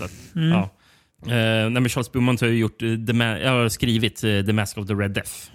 Mm. Och, sen, och sen mycket, eh, många eh, Twilight Zone-avsnitt också. Som Så, ju. Matheson också var med och skrev. Pre- precis. Mm. Så, ja. Men han, det är, Eh, visst, ja, men, visst är det eh, han som har skrivit uh, Nightmare at 10,000 feet? Det är väl Matheson Ja. tror jag. Ja. Pre- precis. ja. Eh, men, nej, men eh, för de här två herrarna, jag tror det var de... eh, Ja, för, precis. För, för, för de gillade den här boken eh, av Fritz Leiber eh, som heter Conjure Wife. Då, från, Mm. Också, bra, också bra titel. Mm, bra. Conjure Wife. Från Cool. 43. Oj. Mm. Den här Fritz Leiber han ska ju tydligen ha myntat begreppet sword and sorcery. Jaha. Han som står bakom det. Ja. Ja, men, och, eh, det finns redan en film, filmatisering 1944 av den, den här av Mhm. Conjure Wife som, som heter Weird Woman med Lon Chaney Jr. i huvudrollen. Mhm. Ehm, och sen kom den här och sen 1979 kom också Witches Brew eh, med Lana Turner. Mhm. Och sen så finns även tv-serien på 60-talet Moment of Fear. Så finns det en film, eh, ett, ett avsnitt som heter The Accomplice som är baserat på Conjure Wife. Jaha. Så det finns massor med versioner av den där. Eh, nej, men, och, de, och de gillar ju boken, så, och, så de tänkte nej men vi skrev ett manus på den. Tillsammans. Hur, ja, just det. Mm. Eh, och sen så fick de eh, 5 000 dollar var från James, eh, James H. Nicholson på AIP. Mm. Eh, som sen så skickade över Ja, precis. För det är EIP ändå som började hela projektet. Så jag förstår varför den här amerikansk, varför tror den var amerikansk. Mm. Eh, men, men, men de skickade sen över hela filmprojektet till eh, deras sen, samarbetspartner som, som fanns i England. Eh, som heter Anglo Amalgamated. Mhm. Så, det var, så, och det var de som sen producerade filmen i England. Mm. Ja, jag, för jag reagerade på den, för det var ingen jag kände igen. Det Anglo Amalgam, Amalgamated Film Distributors Limited, som det stod på företagsloggan i början på filmen. Där Nej. det var en barbröstad muskelman som lyfte, det. en, som lyfte en jordglob. Det var det sannerligen. Och då tänkte man nästan att det var den här med gonggongen först. Vilka är den? ja, just det. Vad fan heter de? Åh. Ja, men den är mäktiga. De, de, de som bytte ut Gongongmannen med, Ja, vad med fan åren. heter de? nu? Är det Gong- Titus Films eller? Nej, kanske inte. Gongman logo. Uh, ska vi se. Nej, det är ju Rank. Rank, just det. Ja, men Wikipedia-sidan heter bara Gongman. Mr Gongman. Ja. Ehm, Peter Wingard har vi i huvudrollen. Mm, det har vi. Som, eh, som verkar vara en riktig karaktär i Mm. verkliga livet. Mhm. Eh, vi har ju sett honom i The Innocents. Mm. Han är med. Eh, och sen är han även med i Flash Gordon. Det är väl typ de två största filmerna eh, han har varit med. in, inte Flash Gordon, utan Flash Inte Gordon. Flash Gordon, Nej. utan Flash, Flash Gordon. Just det. Mäk, mäktigt, mäktigt förresten att jag inte har, har, har sett Flash Gordon, men jag har sett båda Flash Gordon. Och det är ju Det- samma här. Det, det, har, det har något att, att vi inte gjort det. Men att vi sett båda Flash Gordon. Ja, det, förlåt. Mm. det, är, det är märkligt där. Egentligen. Ehm, han, han, Peter Wingard är mest känd för att spela privatdetektiven Jason King på 60-70-talet i Mhm. brittisk tv. Då, I serierna Department S och Jason King. Mm. Ehm, på 70-talet så eh, be- beskrevs han som eh, Storbritanniens eh, bäst, eh, bäst klädda kändis. Eller ni- 1970 var det. Mm. Eh, och året efter så, så rapporterades om att eh, det var rekordmånga bebisar som hade fått barnet Jason. På grund av hans karaktär. Ja. Och när han fick manuset till Burn Witch Burn, eller Mm. Night of the Eagle, så tyckte han att det här är rent skräp och tackade nej. Mhm. Men sen ska han tydligen ha sett en lyxbil som han ville ha. Så han gick tillbaka till bolaget och eh, sa att, att han ville få betalt exakt vad den bilen kostade. ja. Alltså, han, han, han verkar väldigt excentrisk, eh, Peter Wingard. Han, eh, hans liv verkar vara eh, i dunkel också. Ja, Om- jag är inne hans, och, eh, och läser på Wikipedia nu. hans riktiga namn var ju Cyril Goldbert. Mm. Och verkar genom åren hittat på en del om sitt liv. Han, Mm. ju, han påstod att han var född i Marseille. Men dokument säger att han var född i Singapore. Mm. Eh, trots att han påstått att han aldrig ens besökt landet. Eh, fast någon gång tidigare har han sagt att uh, han, han har själv sagt att han född i Singapore. Intressant är att det finns källor om hans födelseår som, som sträcker sig mellan 1924 och 1937. att, ja, och att, Ja, men det, jag tror det var att han utgav sig bara för att vara yngre än vad han egentligen ja, var. men Eh, att, han, att han heller inte visste när, sa att, att han inte visste när han själv var, hur gammal han själv var. Mm. Men eh, den, den roligaste grejen ska, ska du få höra nu. För Mm. ja, eh, Mark Millar, eh, serietidningsförfattaren, så har ju tydligen berättat om Matthew Vaughn som han har samarbetat med. Mm. Eh, alltså regissören Matthew Vaughn. Eh, som gjorde filmen Layer Cake eh, och ville ju ha Mm. Wingard i, i, i, i en roll där. Mm. Men, men fick svar om att nej, det går inte för Peter Wingard har dött. Jaha. Eh, Det hade han ju dock inte gjort för Nej, Peter precis. Wingard dog 2018. Ja, exakt. Eh, Sju år senare. Så, för han har väl fått reda på att Peter Wing- Wingard lever ju någonting. Så sju år senare så hade Matthew Vaughn återigen eh, tänkt bara fan i X-Men First Class, där vill jag ha Peter Wingard. Mm. Då hade han återigen fått höra att Peter Wingard har dött. Vilket var, det inte heller stämde. var det Wingard själv som liksom Jag, svarade? jag, jag har ingen eller? aning. Jösses Det alltså. finns så jävla mycket skumt och roligt om honom. Herregud, vilken jävla Ja, grej. Ja. Eh, Men, ehm, och jag tycker att han gör en bra, mm, att han gör sig bra i huvudrollen. Mm. Han charmig är han. Ehm, Egentligen skulle det vara Peter Cushing, läser jag. Ehm, Mm. Men han valde istället att filma Captain Clegg. Mhm, det, är, det är han som är Captain Clegg alltså? Eh, Nej, förlåt. Det är ju Cushing. Ja, nu, jag fick snedtänk i huvudet. Ja, Du får, det, ja. du får sluta sitta inne på Peter Wingards Wikipedia-sida. ja, det, är det är så fascinerande att läsa. Ja, men jag, jag, det, jag- det är inte fel, jag blandade ihop. Just det, det är precis. Cushing var ju med i Captain Clegg, för det är ju en, det är ta mig tusan en Hammer-film. Eh, Ja. Ja, okej. Eh, så då fick han sin lyxbil och ställde sen upp på att vara med. Nej, men jag, jag tycker också det funkar bra. Han, han känns ju inte larger than life i, i filmen, utan han spelar ju väldigt nedtonat och väldigt så här ner, nere på jorden Eh, Jag blev överraskad när jag läste om Peter Wingard och, Ja. och sen så när jag såg en bild på Peter Wingard när han har så här, långt lockigt hår och stor Japp. mustasch. Mm. Och bara, det är inte alls så han ser ut här i Nej, filmen. Han det- är alltså, väldigt så här, så här, tidigt 60-tal brittisk film, manlig filmskådis ut. Ja, Liksom. exakt. Han, han, han, ser ut som någon som skulle kunna vara i en Hammer-film vid tidiga Mm. 60-talet. Ser han Mm. ut här. Mm. Mm, det gör han. Ehm, mm, nej, men jag, jag, jag tycker han funkar bra också. Eh, vad, vad, vad har du på övriga inblandade då? Eh, regissör Sidney Hayers. Eh, ja, eh, han har gjort en del film. Mm. Eh, mycket amerikansk tv jobbar han sen i en del. Han har Mm. gjort avsnitt av Magnum P.I., The Mm. A-Team, Knight Rider, T.G. Hooker och Baywatch. Mm. Men eh, den filmen jag hajade till mest när jag kollade vad han hade gjort. Eh, för Det var någon film som det stod Master Ninja 2 från 1984 med en 50-årig Liv Van Cleef som ninja. Varför såg vi inte den till nin- ninjasnittet? Självklart är Shokusugi också med i den. Klart han är. Eh, Ja. men, men, men sen läste jag lite mer. Bara, vad är det här för någonting? För den hade jag inte hört talas om. Och samma år kom också Master Ninja. Men jag såg inte Sidney Hayers som regissör. Okej, vad är- varför kom båda samma år? Och Det är Mm. samma skådisar i båda. Med eh, Lee Van Cleef och Timothy Van Patten och Shokusugi. Men båda de här filmerna inom citationssäcken består av två avsnitt vardera av tv-serien The, Mas- The Master. Som gavs ut i typ 13 avsnitt innan den lades ner. Mhm. Och sen gav de ut på, på en VOS eh, på 80-talet med Lee Van Cleef som stod med ett samurajsvärd. Och jag bara, nu måste vi försöka sälja Mm. det här så vi kan få tillbaka de här pengarna vi har lagt på det här skitprojektet. Undrar hur bra det funkar på film. Alltså om man skulle, om man Troligtvis skulle, inte alls. Nej, det måste vi testa någon gång. Alltså, bara, bara leta upp eh, filmer som består av cancellade tv-shower. Det, blir ett, det är ett avsnitt det också. Eh, ja, det, det är det ju. smalt.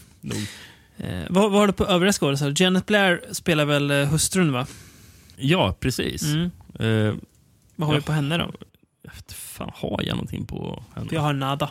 Ja, nej, jag, jag, har, jag, jag, jag tyckte inte jag hittade så mycket på de andra. På, på, på, de flesta av de här filmerna var ah, de vad de andra rollen, eller vad de andra rollskådespelarna hade gjort för någonting. Det var, ja, jag känner knappt igen filmerna. Eh, och typ i alla de här brittiska filmerna, vilket man kommer in ännu tydligare på de två sista vi ska prata om Mm, sen i avsnittet. mm.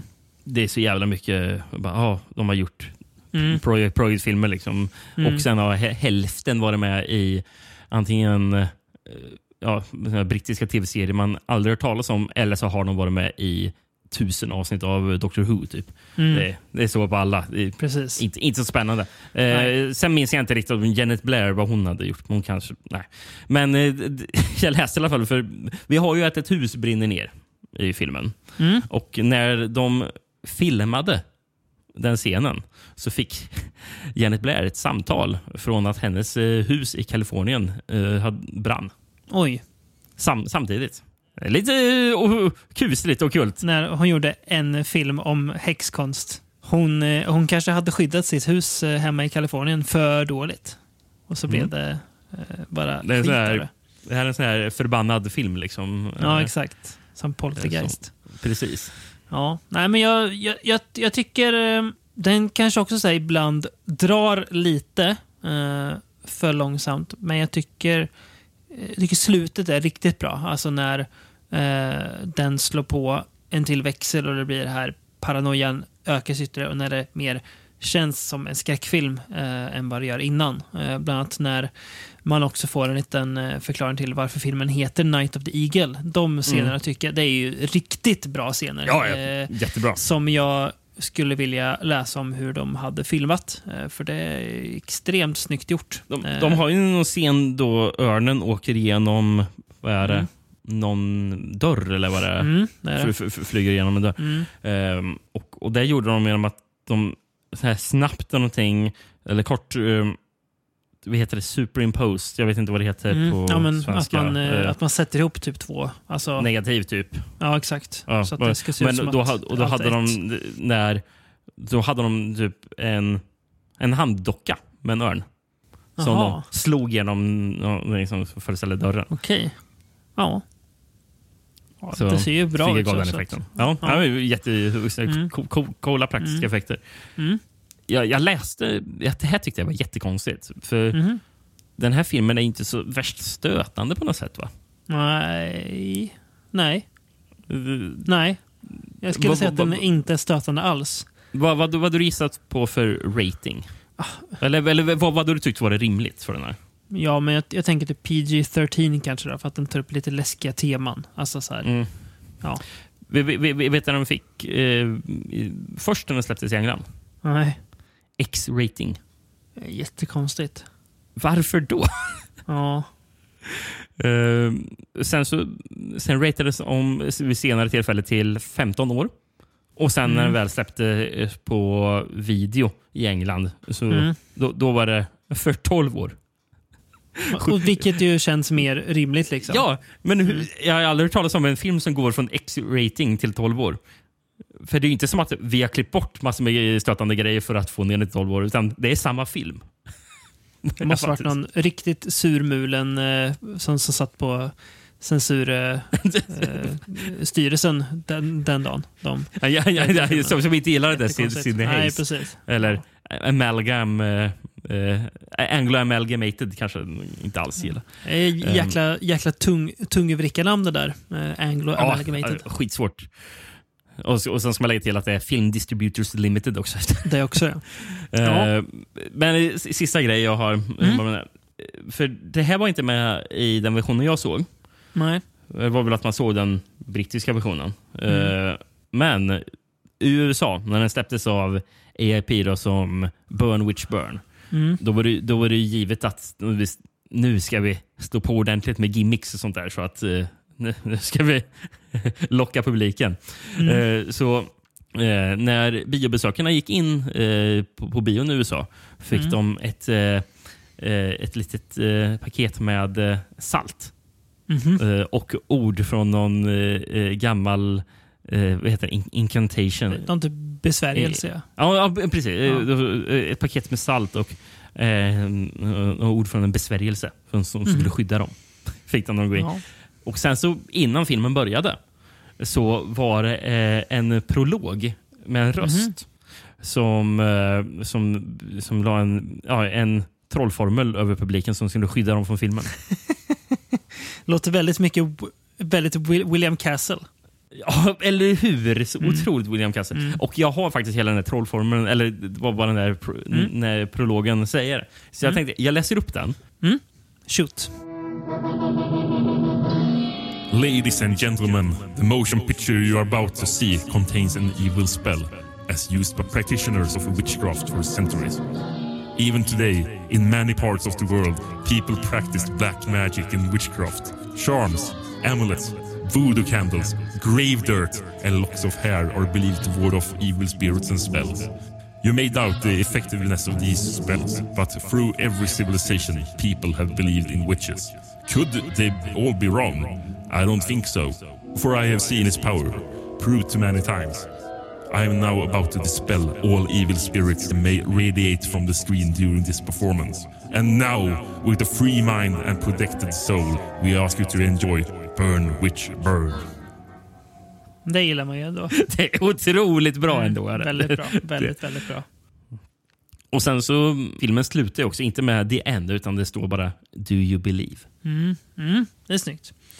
Ja, Do you believe kan man ju även fråga eh, byborna i nästa film. Eh, det behöver man inte fråga dem, för det gör de sannerligen. Vi åker ner till Italien igen. Eh, till en till svartvit film från tidigt 60-tal. Eh, dock inte regisserad av eh, Mario Bava, utan av eh, en helt ny bekantskap för oss båda. Ehm, vill jag tro. Med filmen Il Demonio. Esorcizzo te, immondissimo spirito. E comando a voi, schiere di fantasmi e legioni di demoni, di separarvi nel nome di nostro Signore Gesù Cristo da questa creatura di Dio. Och, och på engelska hette den eh, The Demon. I Grekland, Den besatta. Eh, Brasilien, Besatt av demonen. Och Frankrike, Demonen i köttet. Mm, bra. De, de, är, de, är bra idag för fransmännen. Ja, alltså, fransmännen brukar ändå vara, ha rätt så hög standard på sina titlar tycker jag. Men sist, finsk tv-titel. En liten bydemon. Låter nästan som lite så här, barn, så här, barnprogram. Eller lite så här, ja, jag vet inte. Ja. ja, har du någon VHS på den här? Nu får du vässa hjärnan, för jag har ingen, inte hittat någon VHS Nej. på den här. Då kör jag en liten eh, synopsis. då. Eh, filmen utspelar sig, som jag hintade om, i en liten italiensk by. Ehm, eh, som ju då... Den utspelar sig ju, antar jag, typ när, när filmen är gjord. Alltså den ska vara någorlunda samtida. Men det, Ja, kanske den ska vara. men det det. är som att byn lever kvar mentalt eh, i det gamla, alltså i det väldigt Mm. vi, vi, vidskepliga. Och det är ju då en kvinna där. Alltså grejen med den här byn är ju nästan som att det känns som att den skulle kunna ut, utspela sig när som helst. Ja, precis. Det- Senaste de, 400 åren. Ja, för de, är helt, de, de känns ju helt is, isolerade också från eh, om, omvärlden. Typ. Men eh, de eh, misstänker då att en kvinna är häxa. Eh, och det är ju främst då för att hon, hon beter sig ju inte som man ska göra. Eh, väldigt eh, utåtagerande och sådär. Och framförallt är det att hon är ju då väldigt kär i en man som heter Antonio. Som då har, eh, han vill ju inte veta av henne. Eh, man anar väl att de har haft någon romans. Men han ska gifta sig med en annan kvinna av högre börd. Eh, och det hon gör då eh, är att eh, hon förhäxar honom eh, och eh, Mm. fortsätter liksom att försöka bringa eh, honom olycka. Och då tänker byborna att den här häxan kan vi inte ha i våran by.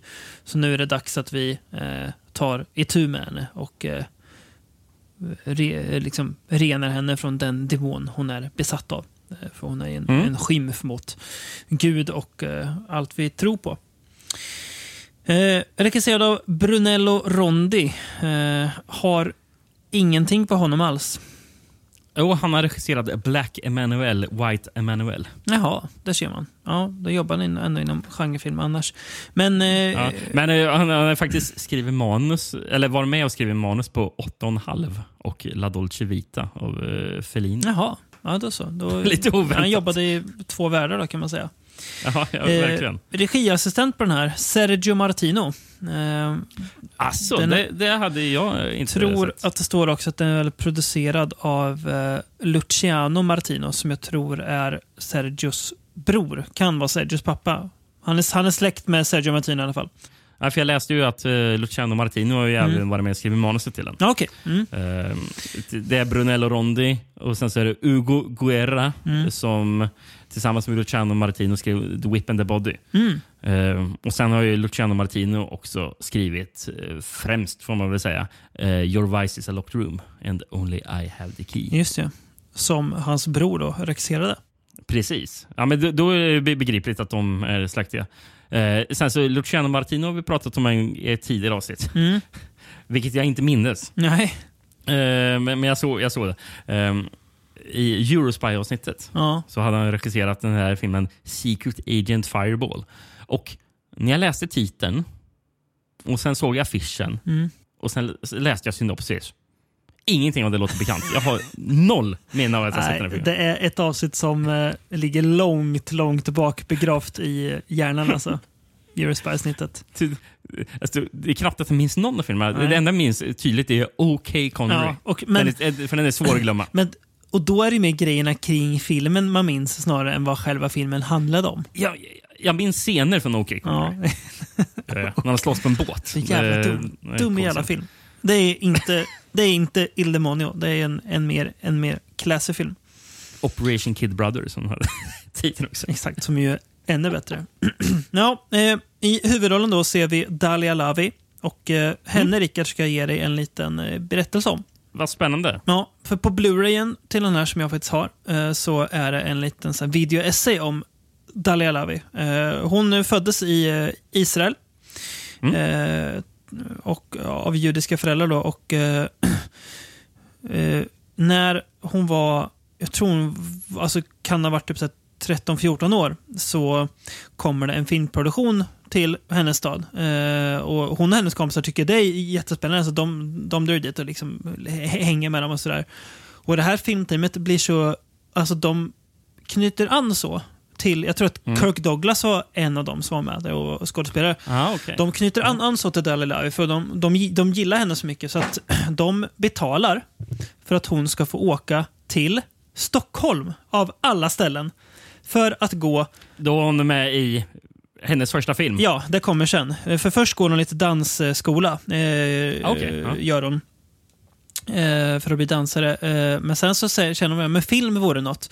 Så hon är då med i, som debutant i Oväntat. Arne Mattssons filmatisering av August Strindbergs Hemsöborna.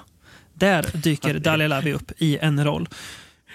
det är så överraskande. Väldigt intressant. Men sen eh, återvänder hon till, tillbaka då. Eh, till, eh, för att det, ja, det blev, hon liksom lyckades väl inte riktigt. Eh, men hon hade ju ändå någonting, så hon fick ju lite roller och sådär. Eh, och sen liksom blev det mer med att hon ja, eh, kom in i liksom filmbranschen och sådär. Eh, och, eh, ja, Hon, hon, är, hon är med i um, eh, Casino Royale, den Mm. från 67 med precis. Sellers. Exakt. Det var väl hennes, eh, hennes break lite grann. Ja, det kan jag ju tro. Sen var ju även huvudrollen i tidigare nämnda The Whip and the Body. Mm, just det, den också. Ja. Hon, är väl en, hon spelar väl en James Bond, tror jag, i eh, Casino Royale. Ja, massa kvinnliga James Bond. Jag tror att hon är en av, en av dem. Den verkar ju jättelurig, den, den filmen. Och den enda riktiga James Bond Mm. heter väl typ inte James Bond eh, och spelas av Peter Sellers. Ja, Eh, jag, jag tror det är han som är den riktiga. ja precis. Och så är det massa, massa brudar som typ också är James Ja. Bond. Ja, men det är ett intressant eh, livsöde. Eh, han, ja, kul. Men eh, hon... Och sen har vi även Frank Wolf eh, Mm. i en av rollerna. Som, eh, han är ju med i Once upon a time in the West och The Great Silence. Japp. Det är namn man känner igen.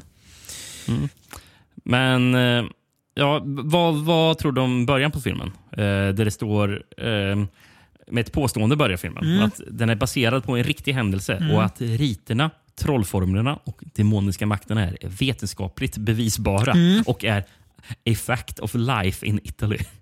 Precis som överallt i världen. Exakt. Som är ju till och med stärker då man hänvisar till en professor i etnologi som man, man har så här, tagit grejer från. Just som de tackar Ja. för att man fått hjälp av etnologiska studier. Det är lite som när eh, The Devil's Rain tackar Anton LaVey för spiritual consulting eller så här dumt. men, här, men här känns det ändå mer som att, och, början är så här, jaha oj, ja, men det här så här lite, lite kul, så här, eh, exploitation. Men jag kan tänka mig att så här, alltså, Italien känns som ett land som ibland kan ha fastnat lite i det, alltså ett gammalt tänk. Eh, att det är så här, dels är de ju råkatolska, men det kan också leva kvar liksom ännu äldre tro än det också. Framförallt kanske i sådana här små eh, landsbygdsbyar, i alla fall på den här tiden. Eh, Du vill hävda att Italien är ett medeltida land? Ja, eh, vilket ju är en av anledningarna till att man både... Alltså Italien är ju det, en, det enda landet i världen man älskar och hatar på samma gång. Eh, Det finns liksom Ja. inget land man gör det på samma sätt som Italien. Som är så älskvärt och så avskyvärt på samma gång. Ruttet också, ja precis. Det har liksom både och. och så, man kan säga, USA då? USA har ingenting mot It- Italien. Ingenting mot Italien. Eh, och jag, jag tänkte så när jag stod på den här filmen att här, mina förutfattade meningar tänker man, jag ska ha en, en god skräckis. Trevligt, tänker man ju. Eh, Var den här med i Severin-boxen? Ja, den är med. Eh, Mm. med den. Eh, Är det någon av de andra filmerna vi pratar om idag? Som, Nej, ja, här? eh, Vish är med, som vi har nämnt, men eh, inte, Ah, okej. Mm. ingen av filmerna. Nej. Eh, Witchhammer, som vi pratade om i checkavsnittet, är ju med i den också. Eh, Ja, just det. Mm. Sen eh, Det dödes kärn, den norska filmen jag nämnde förut, är också med. Men eh, Mm. ingen annan. De hade ju dock kunnat vara med, som du säger. Ehm, eh, men ja, nej men ja, det, det här på vissa sätt lite lik eh, den förra filmen, att, alltså Night of the Eagle, att det är mer nästan så här. Ett, det här är ju ännu mer eh, ett dra, alltså drama nästan. Det här är ju ingen skräckfilm alls, utan det här är ju mer så vad, vad gör den här vidskepligheten om den tar överhanden och det blir en eh, mobbmentalitet mot en kvinna som förvisso beter sig rätt illa ibland, absolut. Mm. Men eh, hon förtjänar ju kanske inte all den eh, behandling hon får. Nej, nej ver ver verkligen inte. Eh, det, men jag, jag, jag, jag tyckte ju att alltså, den påminner lite om den här, den svartvita nunnefilmen vi såg. Vad heter den nu? Till Nunsploitation-avsnittet. Matka Joanna, den polska. Nej, ja, nej den, den, den såg vi till det polska avsnittet. Ja, det kanske vi gjorde. Ja, Eh, Mother Joan of the Angels, va? ja det var den jag Ja. tänkte på. Ja, precis. Ja, men och det påminner den här lite om, tycker jag, i stilen. Ja, men eh, just det, det var ju Mother Joan of the Angels som ju var samma verklighetsstory som The Devils var. Eh, De på, påminde ju om varandra. Just det, precis. Ja, men, och, och den har ju även lite så här... Alltså, jag, jag ser lite likheten med The Devils också Mm. eh, i, i den här filmen. Eh, förutom att den inte har Ken Russells stil. Nej. Kanske den här. Vet du vilken film jag tänker på när jag ser den här? Nej. Don't Torture a Duckling. Det, det, det, sa, sa, samma miljö det är verkligen. Och, och Ja. också det här, jag tänker som de utsätter Flori- Florinda Bolkans karaktär för i den filmen. Hon, s- kallas, hon sägs ju också vara häxa. Eh, Hon är ju inte, Mm. hon är inte huvudroll i den filmen som eh, eh, Dahlia Lavi är här. Men eh, hon, det är hon, när, du vet när de blir piskad till eh, den här stereoscenen. Eh, men lite det samma att det hänsynslösa som blir när, man, eh, när en, en hel by riktar sig mot en person.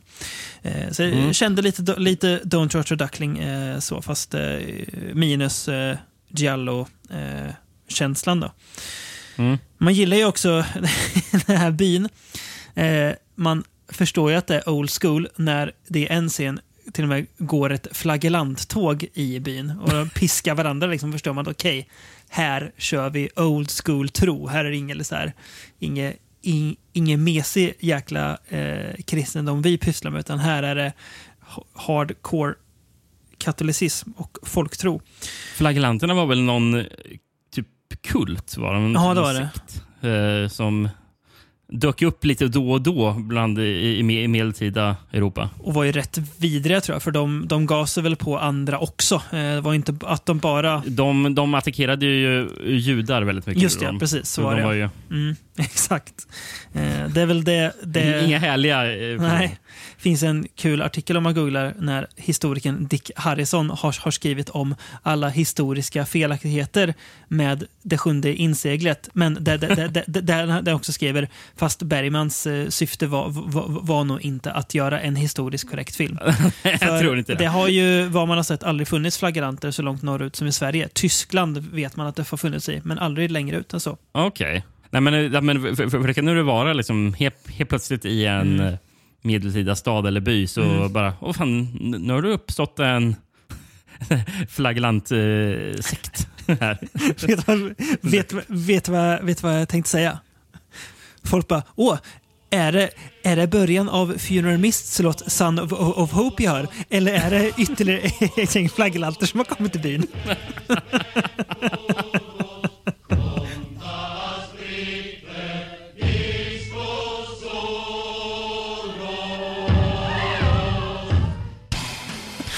Han sitter och lyssnar och säger, nej, det var nog flagranterna. Fan också. Ja. Ja, nej men eh, precis, de är med. Jag, eh, tycker att eh, det är en eh, fascinerande film det här. Eh, som eh, jag tycker Dalia Lavi är väldigt, väldigt bra också i Mm. huvudrollen. Ja, hon, hon har ju sagt att det här är hennes favoritfilm Mm. av de hon har gjort. Men det är lite så här, hade du hört talas om den här filmen innan vi... Nej? Nej, eh, jag, jag jag har heller. sett eh, affischen Ja. eh, dyka upp, men jag har aldrig läst någonting om den så jag inte vetat vad det är för någonting. Nej, det är, det är kul när det bara dyker upp en sån här film man så här, inte har en aning om alls. Eh, man har liksom ingen hype överhuvudtaget eh, kring den eller Nej. någonting och bara går in och bara åh, det här var ju riktigt bra. Det, vilken, inte överraskningar, inte för jag hade ju inga, men så här, vilken, vilken liten pärla jag hittade. Nej, men det var något annat än vad jag trodde det skulle vara. Ja, jag också. Och det tycker jag också eh, är bra. Men det här, det här är ju ver verkligen folk horror. Alltså så här, eh, här de, man kan väl säga, är, är hon en häxa? Ja, det tycker väl de i, i byn att hon är. De, de kallar henne för det. Eh, hon håller ju Mm. på med lite sånt. Men det är ju liksom... Eh, den här är ju mm, av filmerna idag den mest, eh, man säga, grundade i realism. Det är ju, känns ju lite som att eh, den mer kanske har att göra med neorealismen än eh, Mm. Exploitation-filmen. Men att den rör sig lite någonstans mellan de två på något vis. Hon har ju en scen då hon är, ska vi föreställa att hon är eh, besatt. Mm. Eh, de är i en kyrka. Då hon börjar kräla omkring och Mm. eh, gå på eh, så här, eh, som, som, som Linda Blair gör Mm, i mm, Exorcisten. mm. Mm. Gå på ryggen typ, liksom, Mm. med armarna. Eh, eh, b- ja, det som är riktigt så här, snygg. Ja. eh, och effektfullt. Och det är ju något med de här miljöerna också som de vistas i. Väldigt så här, eh, avlägsna, ödsliga, lilla italienska byn som, ja, mycket, my- mycket, mycket mysigt. Ja, men den här byn ser ju typ ut som också, eh, förutom Don't Tor- Torture the Duckling, jag tänker på särskilt i eh, Gudfadern 2 då vi får se eh, då vi får se Vito eh, eh, som barn när han är Mm. i ja, staden Corleone i eh, Sicilien. mm, Eh, Det är också de där miljöerna. Liksom bara, ja, det här är ju liksom tidigt 1900-tal, är det precis Mm, i, mm. i sekelskiftet. Där, liksom, men det här staden ser ut som att den är flera hundra år gammal. mm. Eh, och ser ut som skulle kunna vara, vara filmad för flera hundra år sedan också. Liksom. Mm. Det, det, det har samma grejer. Ja, jag vet inte. Jag har, alltså, jag har inte så mycket mer att säga, för, men jag tycker att det här är ja, uppmaning att, att se den. Eh, Även om man inte har hört om den innan. Men trevligt. Det är en, man förväntar sig något annat av en, som jag sa, om, eh, av en tidig tidig 60-tals italiensk film med namnet Il Demonio och så råkar man veta också att, att eh, Sergio Martino är regiassistent. Men ja, det är Ja. något, något annat. Ska vi gå till någonting som typ är exakt vad man hade väntat sig? Ja, eh, titeln och filmen och vad man tror samspelar ju. Eh, 1968 och vi lämnar det svartvita bakom oss. Ja, Och eh, vi ska väl till det blodröda nu va? Eh, det blodröda altaret och dess förbannelse Mm. i filmen som har en jävla dundertitel. Curse of the Crimson Altar. The Crimson Cult. Hedonists of horror. The devil is not exactly noted for his sense of humor. A servant of man and the devil. My brother stayed here, didn't he? What happened? Tell me what happened to him! A journey into the unknown terrors of the world of black magic. Turn the witch! Turn the witch! den är uh, svinbra titel. Här. Fan, jag sitter... Jag, jag, jag kan tänka på den här titeln ibland och tänka att det är en av de bästa titlar som finns. Nej, det är kanske men den, den, den har någonting. Den är ju... Ja. De, de som kom på namnet till filmen visste vad de gjorde. Mm, det gjorde de. Eh, och som trend, återkommande trend i det här avsnittet så visste USA inte alls hur de skulle hantera en bra titel. Så de tyckte vi, vi döper om den. Som, I USA släppte den som, som The Crimson Cult. Mycket sämre. Inte i närheten lika Nej. bra. Finland, Dödens altare. Nej. Tyskland, Svart mässa på ett blodrött altare. Mm. Där är det ju bättre. Mm. Eh, sen så Tyskland, två andra. Eh, häxans förbannelse. Ja. Och den, den tredje, den är ju mer märklig. Greve Draculas häxa. Hur kan vi göra, hur kan vi göra filmen så, så vag men ändå så, så bred som möjligt? Vi, vi döper till Greve Draculas häxa. ja. Och det, det måste de ju bara baserat på att Christopher Lee är med i den. Ja, verkligen. Det, För, för det är han ju. Eh, och inte bara det. Vi har även Boris Karloff och Barbara Steele. Ja, precis. Eh, så det är Men- ju en jävla trio. Ja, verkligen. Eh, och, och, och Peter Go också. Eh, har vi. Det också. Just det. Alfred Pennyworth från Mm. eh, eh, 90-tals Burtons- Batman. Mm. Är han med i de andra två icke-Burton också? ja, där har han med Ja, alla fyra. han, är, han är den enda fakt, alltså, kvarstående faktorn i alla de fyra filmerna. Då. Nej, jag, jag vet inte om... jag- Jag för mig jag nämnde det något, rätt så nyligen i en avsnitt. Det var ju han som spelar eh, Ehm, Gordon. Han också samma. Ja. Jag Okej. tror han var i samma i alla fyra. Mm. Och sen är det väl Ehm. Danny Elfman-musik i alla fyra kanske också. Det har jag ingen aning om han, Nej. om han gjorde fortsatte efter Burton. Men, det ja. blev, Nu blev jag sugen på att se om Burtons Batman bara för det. Mm. Har- jag inte Mm. varit på länge, men det blev jag. Nej, Ja. det blir spännande. Eh, Grekland. Skräckens torn. Mm. Funkar. Eh, Grekland. Vampyrer sätter upp utrymme. Äntligen hemma med vampyrer. Märkligt. Ja. Eh, Italien. Black Horror, de svarta mässorna. Den, var, den var Black Horror och sen var det eh, i- i- på Ja. italienska. Så, stod det. Ja, Ja, nej. Eh, Danmark. Mm. Tortyrkamerets förbannelse. ändå, ändå lite god. Eh, lite- Och sen sist har vi Sverige. Monstret i skräckens hus. Bedrövlig titel. Jag, jag undrar ju hur många filmer som i, i Sverige som haft en titel i Sverige som innehåller skräckens hus. Mm. Det måste finnas hur många som helst. För många. För många. Det finns ju en eh, Peter Cushing-film med den titeln. Mm. Bland annat. Eh, Mm. eh, sen har, finns ju Helan och halvan i Skräckens hus. Jag vet att den här filmen The Raven heter ju Korpen i skräckens borg. Ja, det är ju nästan. eh, Jävligt bra titel. Det, Ja, det, den är bra. Den titeln gillar man ju istället. Korpen i skräckens Ja, ja, borg. det- den är ju riktigt bra. Ja. Eh, sen så Skräckens hus. Jag fattar som att Rose Red hade den titeln också. Mm. Fast jag minns att den på tv som Rose Red. Men, Fan, Ro- Rose Red. ja. Mm. men fast jag tycker ju det som hade varit riktigt snyggt. Det var om man Mm. tog Curse of the Crimson Altar och översatte det rakt av till svenska. Det hade varit Mm. jättesnyggt. Det scharlakansröda altarets förbannelse. Ja, Det är bra. det är bra.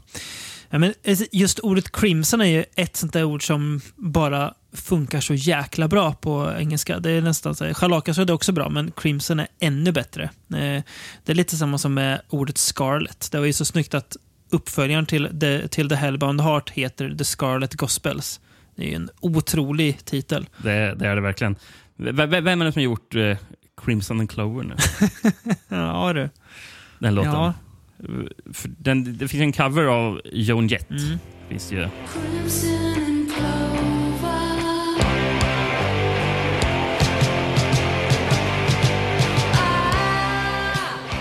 Tommy James and the Shondells har tydligen Mm. gjort originalet från 60-talet.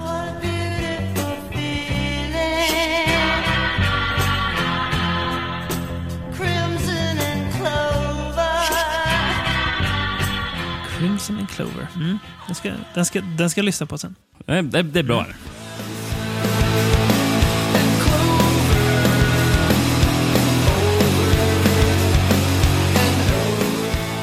här, jag, hitt, jag lyckades hitta en grekisk VHS Mm. eh, som jag nu bara snabbt försökte översätta.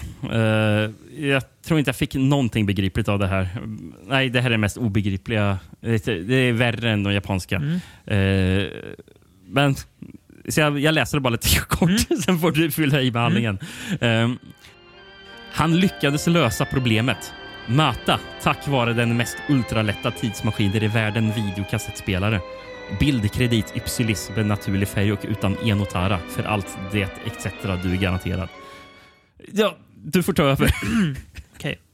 Yes. Eh, Robert då, våran huvudroll, som inte är eh, varken Boris Karloff eller Christopher Lee. Eh, han ska eh, iväg och leta efter sin bror eh, till ett eh, ställe som ligger mitt, eh, ja, mer eller mindre mitt ute i ingenstans. Eh, Där han stöter på först då ett gäng festande typer som är väldigt färgstarka och väldigt eh, frispråkiga och väldigt mycket swinging 60s också för den delen. Eh, ja. Men han stöter också på då dels eh, Boris Karloffs karaktär som är eh, professor i, han är väl professor i typ folktro och sådär tror jag. Eh, som Mm. då berättar om eh, den här legenden om den gamla häxan som har eh, bränts i trakten. Som då kanske har en viss påverkan kvar eventuellt och kanske till och med har Jag vet L- Lavinia Morley, Exakt, va? som ju då är, spelas av Som- en blåmålad Barbara Steele. Nej, grön är han väl? Grön, just det, grön hon. Hon är, ju- Eh, väldigt, hon är ju i green face. Just det, grönmålad och eh, ganska lättklädd också. Ja. Eh, men det, det dyker upp, liksom, det händer konstiga saker, folk beter sig konstigt. Eh, och eh, det är ju helt enkelt så att eh, hon har ju följare kvar där som då ja, har något att göra med brorsans försvinnande, helt enkelt, Mm. som då Robert försöker nysta i. Mm. Här har vi då gått över från det svartvita till det färgstarka och färgglada.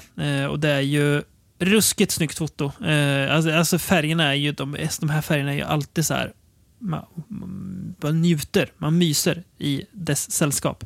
Verkligen. Eh, och sen det här är ju- soundtracket är också väldigt härligt. Eh, väldigt så här, eh, som jag sa, svängigt 60-taligt Precis. ofta. Jag, jag, jag, och jag tänkte, eh, för den har ju även... Alltså, soundtracket känns ju också väldigt så här typiskt vid den här tiden. Alltså, brittisk skräck av Mm. typ Hammer och de Mm. bolagen.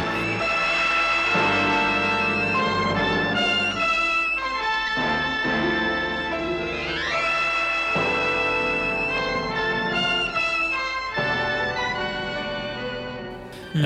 Ehm, men jag kollade upp eh, han som gjort soundtracket, Peter Knight.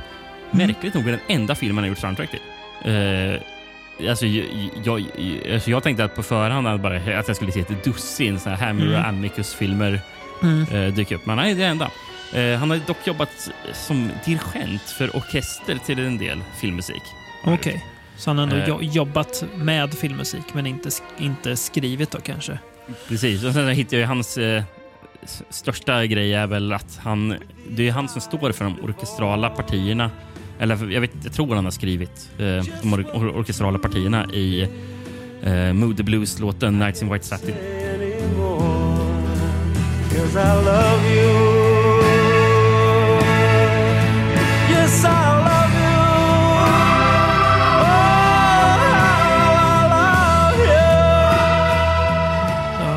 eh, så han har dragit in lite, lite stimpengar då kanske också, förutom... Ja, ja, man får Jobbet det är kanske en bråkdel av vad Ja, precis. Det känns som att det, det gick till eh, medlemmarna i The Moody Blues. Det gjorde nog det främst. Eh, det blir ju, man blir ju lätt som ett litet barn i en godisaffär när man i förtexterna ser Christopher Lee och Boris Karloff. Då tänker man ju oj, oj, oj, oj, oj, oj. Det enda som överträffar det är ju när Peter Cushing och Christopher Lee ska med i samma film. Ja. Eh, det är liksom det, är det som man nästan som säger, åh, det här kommer vara mysigt. Eh, ofta blir man ju lite så besviken för att skådespelarna inte får så mycket screentime ihop. Men Mm. det får ju Karloff och Lee här. Och jag Ja. tycker, alltså varje gång de är i samma rum, alltså det är som att alla andra skådisar blir osynliga. Mm. För de där två, alltså bara Christopher Lee hade ju räckt för att ta udden av alla andra människor i ett rum. Var det- jag tycker Karloff är riktigt bra i den här också. han är ruskigt bra. Han är ju supernärvaro har han verkligen. Ja. Eh, nästan ibland så att han liksom överglänser Christopher Lee. Eh, Ja, liksom, ja. I, eh, men det är också lite att hans roll är så. att, nej, när de är i samma det, det lyser ju alltså Mm. eh, om de scenerna. Eh, eller Jag- de. Chris- Christopher Lee tackar ju ja till att vara med i filmen för att han fick, efter att han fick höra att Boris Karloff eh, skulle vara med. Han ville Eh, jobba för- med honom. Ja, ja, jag, jag tror de har varit med en film tidigare på 50-talet. Men, men, men, men tydligen ska han ha sagt att... eh, att eh, för han hade hört att eh, Boris Karloff var väldigt sjuk. Mm. Så han tänkte bara, ja, ska jag ha en sista chans att spela tillsammans med Boris Karloff så Ja. då ska han vara med i den här filmen. Just det. Och det stämde ju bra för Karloff dog ju bara året efter. Okej. Eh, är det han- hans han- sista film eller nej? Nej, alltså det finns någon film från så här 71 eller någonting tror jag. Ja. Men det här, jag tror, om jag förstår rätt, var det här sista filmen som gick på bio innan Karloff avled. Mm. Sen så var det några som släpptes på stream. Just det. Mm. Men, men, men det kanske är begripligt då med att han var gammal och sjuk. här, För, han- för hela filmen, för hans karaktär är ju rullstolsburen. Mm. Så, och det kanske hade att göra med att han var sjuk, att han Mm. då sitter i rullstol. Precis. Eh, det, det, det är roligt. Eh, filmens huvudroll då. Eh, Robert Manning som spelas Mm. av Mark Eden. Mm. Eh, han... det är någon film, eh, eller tidigt i filmen, så, för han dyker upp på den här festen Mm. som är lite så här swinging 60s. Eh, Mm.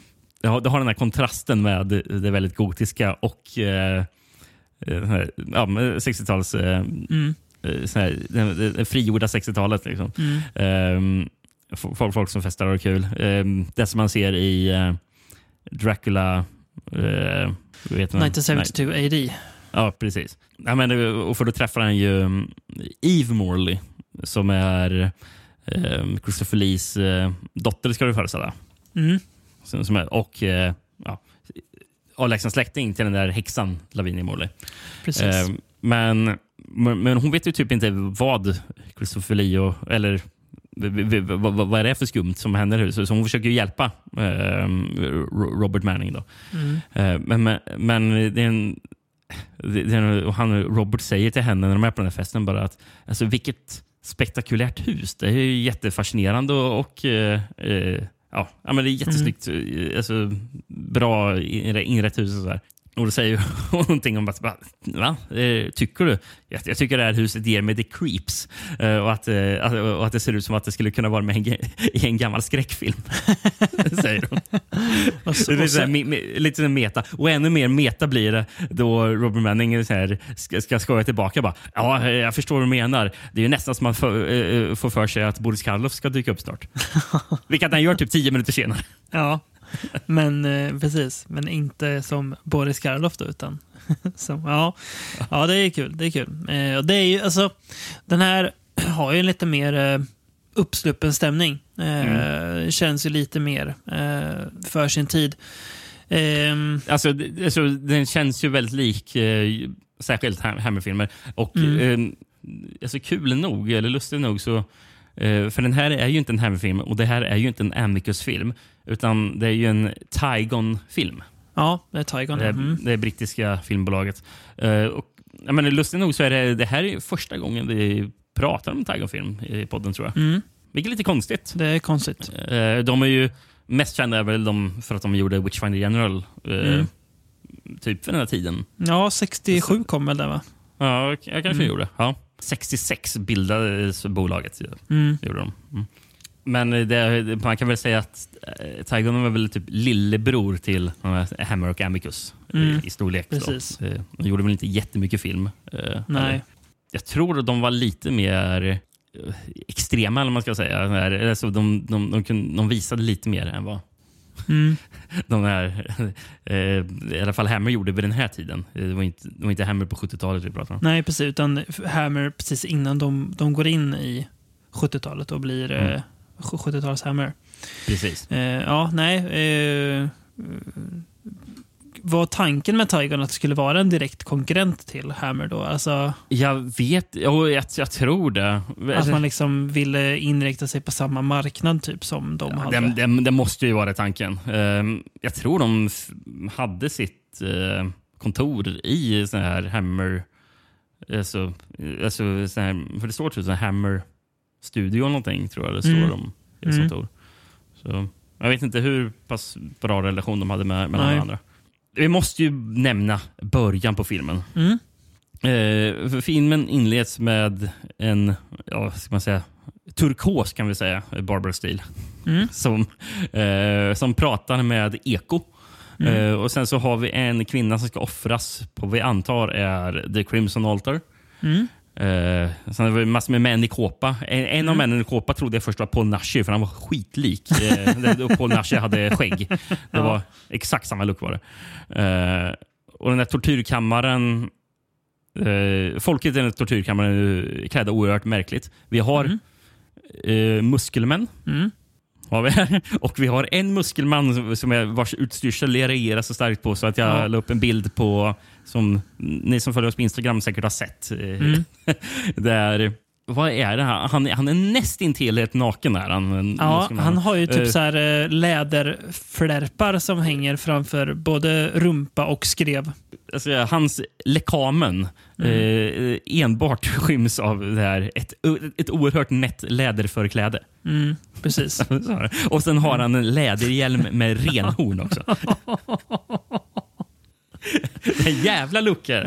Den är ju, alltså de där hornen är ju inte att leka med alltså. det ser, det ser Hela- skitdumt ut. Men det, är- hela, hela hans lucka är ju inte att leka med, men kanske framförallt de där hornen. Eh, ja, nej, precis så börjar den. Och den, det sätter ju an en ton för filmen som jag tycker eh, säger väl ändå ganska mycket om vad man sen får. Eh, Mm.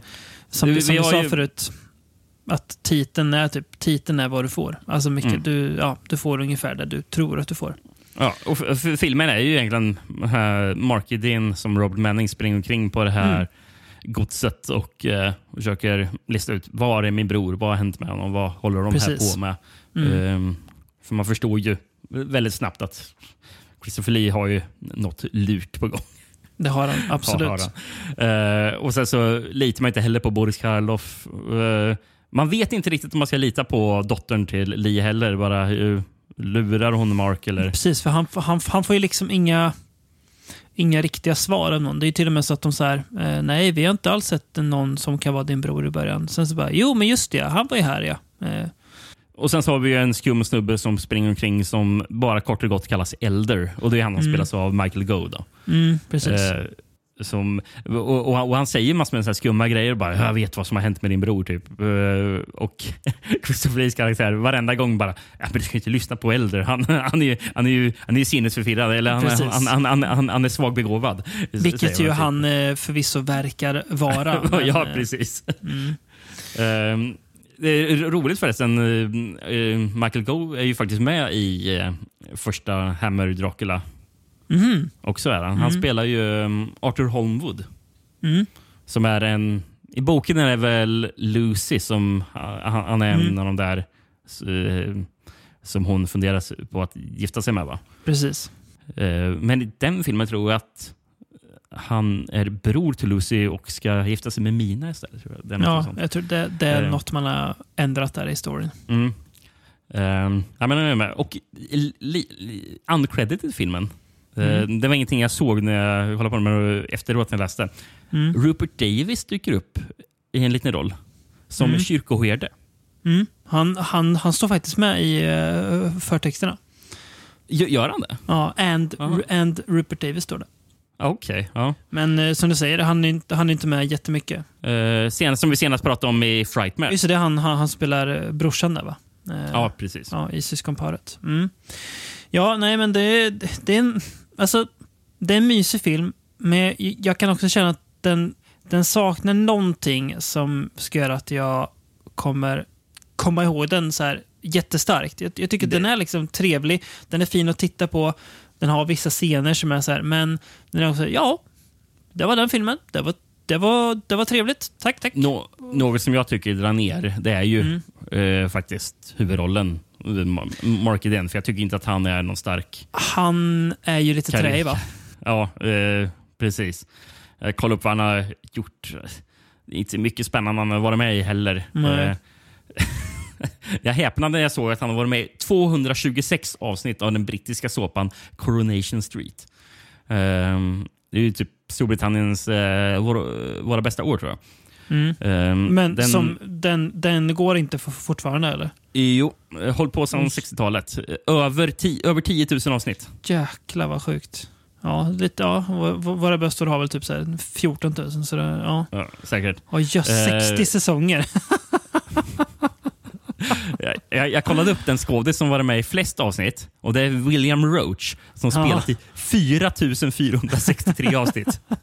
Det är helt vansinnigt. Coronation Street. Oj, Ja. jösses. Den går alltså, sen, sen 2017 går den sex gånger i veckan. Ja, Ja, Mm. ja, det är otroligt. ja det är Ehm, otroligt.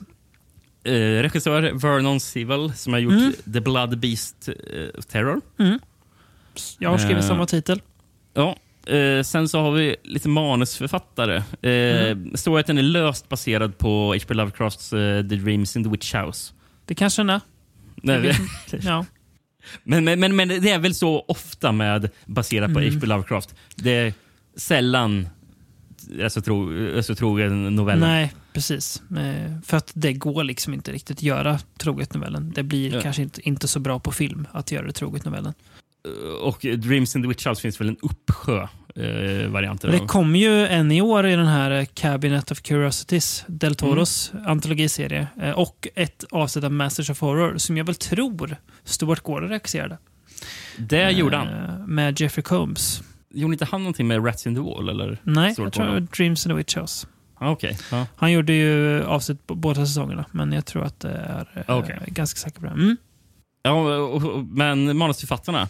Mm. Där har vi ju Eh, Mervyn Haseman som jag inte har någonting på. Sen har vi Jerry Soul som bara står med på vissa sidor, så jag vet inte hur mycket han var inblandad i det.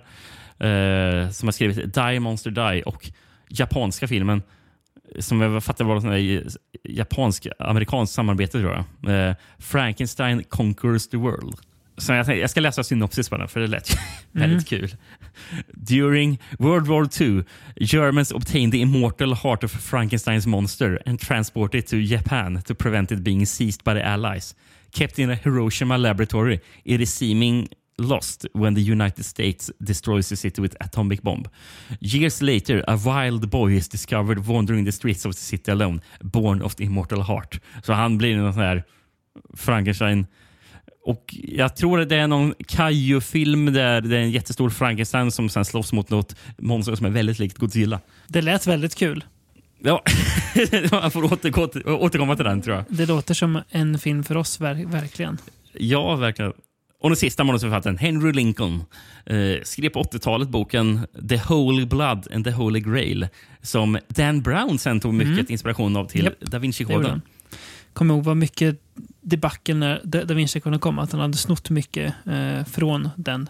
Jag tror de Boken. två personer han samarbetade med eh, Mm. för att så, göra research där Holy och Holy Grail eh, stämde med produktionsbolaget. Mm. Mm. Eh, jag tror inte Henry Lincoln själv dock var inblandad i det.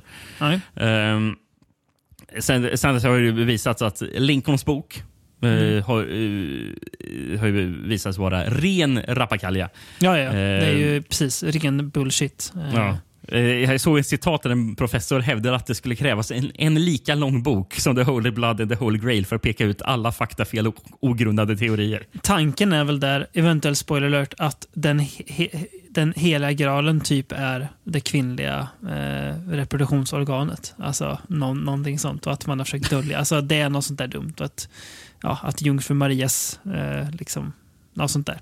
Har jag för mig. Det är det i eh, Da Vin- Da Vinci-koden i, i, i alla fall. Eh, och det är väl Ja. den idén han har snott. Så att den heliga graalen inte är liksom en sak utan mer en förbjuden tanke. Något sånt där.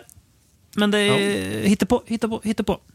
Vi får återkomma någon gång till till fler filmer. Eh, Ett nytt avsnitt med eh, såna här pseudodokumentärer. Ja, fy fan. Det, är- det är kul att alla filmer nästan var ju...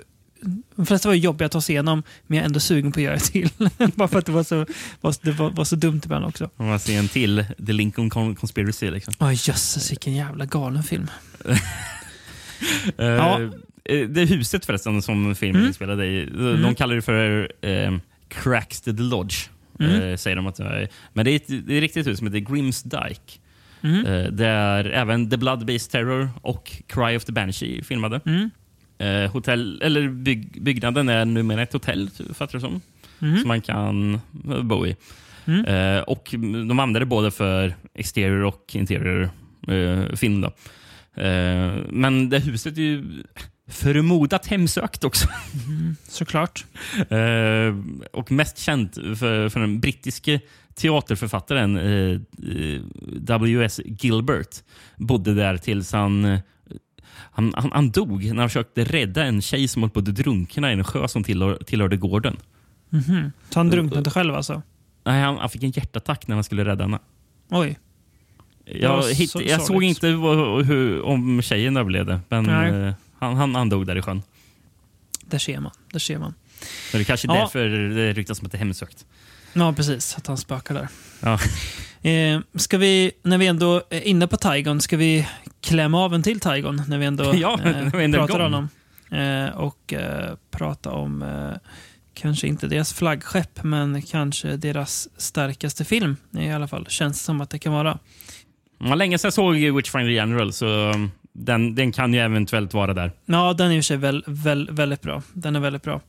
Eh, 1971, eh, det är ju här som brittisk film har verkligen blivit mer exploitation. Eh, och eh, här e, eran brittisk film är ju väldigt svag för. Eh, för då man börjar ta ut svängen lite mer. Har vi då filmen med, jag gillar ju den här titeln alltså, Blood on Satans Claw.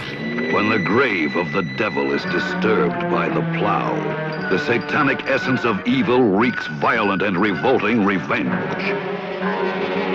But it weren't human, sir. They were fur. Then it was an animal's remains. It were more like some fiend.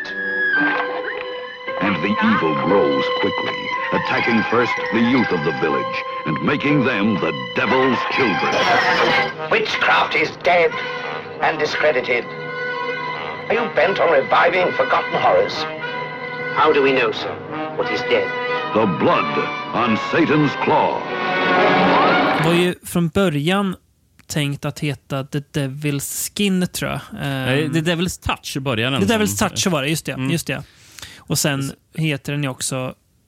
Satan's Skin. Satans, just var det, just det. Eh, jag vet att när jag kollade på intervju med kompositören Mark Wilkinson så säger han att For me it's still, uh, it, it's still called the devil's touch.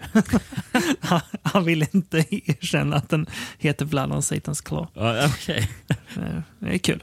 Eh, Sverige, Satans skinn också. Eh, Mm. eh, Tyskland, i häxjägarens klor. Mm. Eh, Danmark, Satans kult. Mm. Och Norge, djävulens föfläck. Och det här, jag gissar på att det ska vara djävulens skinn. Mm. Eh, för jag tror inte det minsta på det Google, Google Translate gav mig. Nej. för det, det kan inte stämma, för det var djäv, djävulens mullvad. Nej, det kan inte vara. Nej, det kan inte. Nej. Nej. Eh, men, ska jag dra en VHS? För det har jag på den här i alla Mm. fall. Mm. Och jag har en finsk VHS. Du har en finsk väs. Vi befinner oss på den engelska landsbygden på 1600-talet. Medan han plöjer upptäcker Ralph Gower de konstiga kvarlevorna. Han berättar för domaren vad han har hittat. Men när det återvänder till fältet är kvarlevorna borta. Fler konstiga saker händer i byn. Unge Peter Edmonton tar med sin fästmö Rosalind för att träffa sin moster. Rosalind måste tillbringa natten på vinden i huset. Snart hörs ett förskräckt skrik. Rosalind förs ut förvirrad. På trappan får P- Peter en skymt av Rosalinds vänstra hand som har fått långa blodiga naglar. Mm. Ja. Och det ska sägas att hela den här byn eh, blir ju, dras ju mer och mer in i någonting eh, efter det här fyndet. Då. Eh, Det är led- främ, främst barnen. eh, Ja, eller främst typ bara eh, barnen. Som, ledda av eh, Angela, eller Angel som hon kallas då, spelad av Linda Hayden. eh, Mm, som, eh, eh, får man väl säga, är filmens huvudroll. ja, det får man väl säga. Och eh, Patrick Wymark som är Ja. den här domaren. Då. Det är väl Ja. de två främst. Hon är inte med så mycket, hon, eh, Rosalind, som nämns på baksidan. Um, man ser väl henne mest i början. Mm. Hon spelas av eh, Tamara Ustinov. Som, jag tänkte bara, kan det stämma? Ja, det är dotter till Peter Ustinov. Mhm. Eh, och hon blev tydligen castad delvis på grund av hennes efternamn. Mm. Det kan jag tänka mig. Vet, vet, vet, du vad Peter Ustinov har gjort? Det är han Nej. som gör rösten till Prins John i originalspråket, originalspråkversionen av Disneys Robin Hood. Jaha. Det Den han alltså. Det är den ja. Ja. Um, mm, den här filmen finns det mycket att säga om, Rickard. Um, ja, det gör det. Det här är ju... Det här är ju den inte- bästa av filmerna vi Ja. pratar om idag. Det är det. Jag vet liksom inte riktigt vart jag ska börja. Ehm, jag, jag kan börja med en jag redan nämnt. Mark Wilkinson uh, stod för Mm. musiken till den här filmen. Eh, och Han har gjort ju, ju... soundtracket vet jag till... eh, den enda som jag tror jag sett honom, eh, det är den här Mm. If med Malcolm McDowell. lite så här ungdomar på glid-filmen va? Också. Ja, det är det väl. Ja, Eh, men också, jag, jag tänker att Clockwork är också jag- un- un- ungdomar på glid, Ja, men, på ett, ett, annat sätt. Ja, men här utspelas på en internatskola skola Ja, i England. precis. Gör det. Ja, men att de är lite, lite typ struliga. Ja, just det. Den är bra den va, If? Ja, det var länge sedan jag såg den, men Ja. jag minns inte Det är mycket. Mark Wilkinson alltså, okej. Ja, det här, för det här är ju, alltså det här soundtracket är ju... Det är ju jättebra soundtrack. Är det. det är så riktigt så här, det passar väldigt bra till miljön och Ja. det är så väldigt olycksbådande. Ja, och det är så, så här, liksom, konstiga toner och så här, liksom, tonföljder och sådär som, ja, men som du säger, olycksbådande.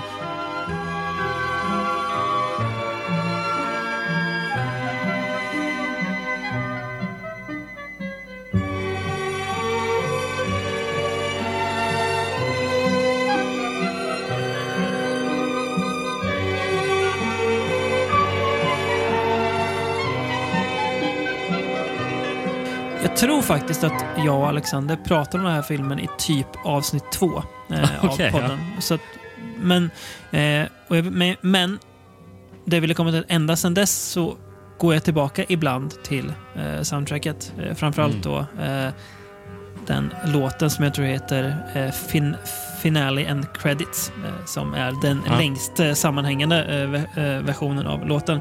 Mm. Eller låten, låten. Men, ja, det är otroligt bra.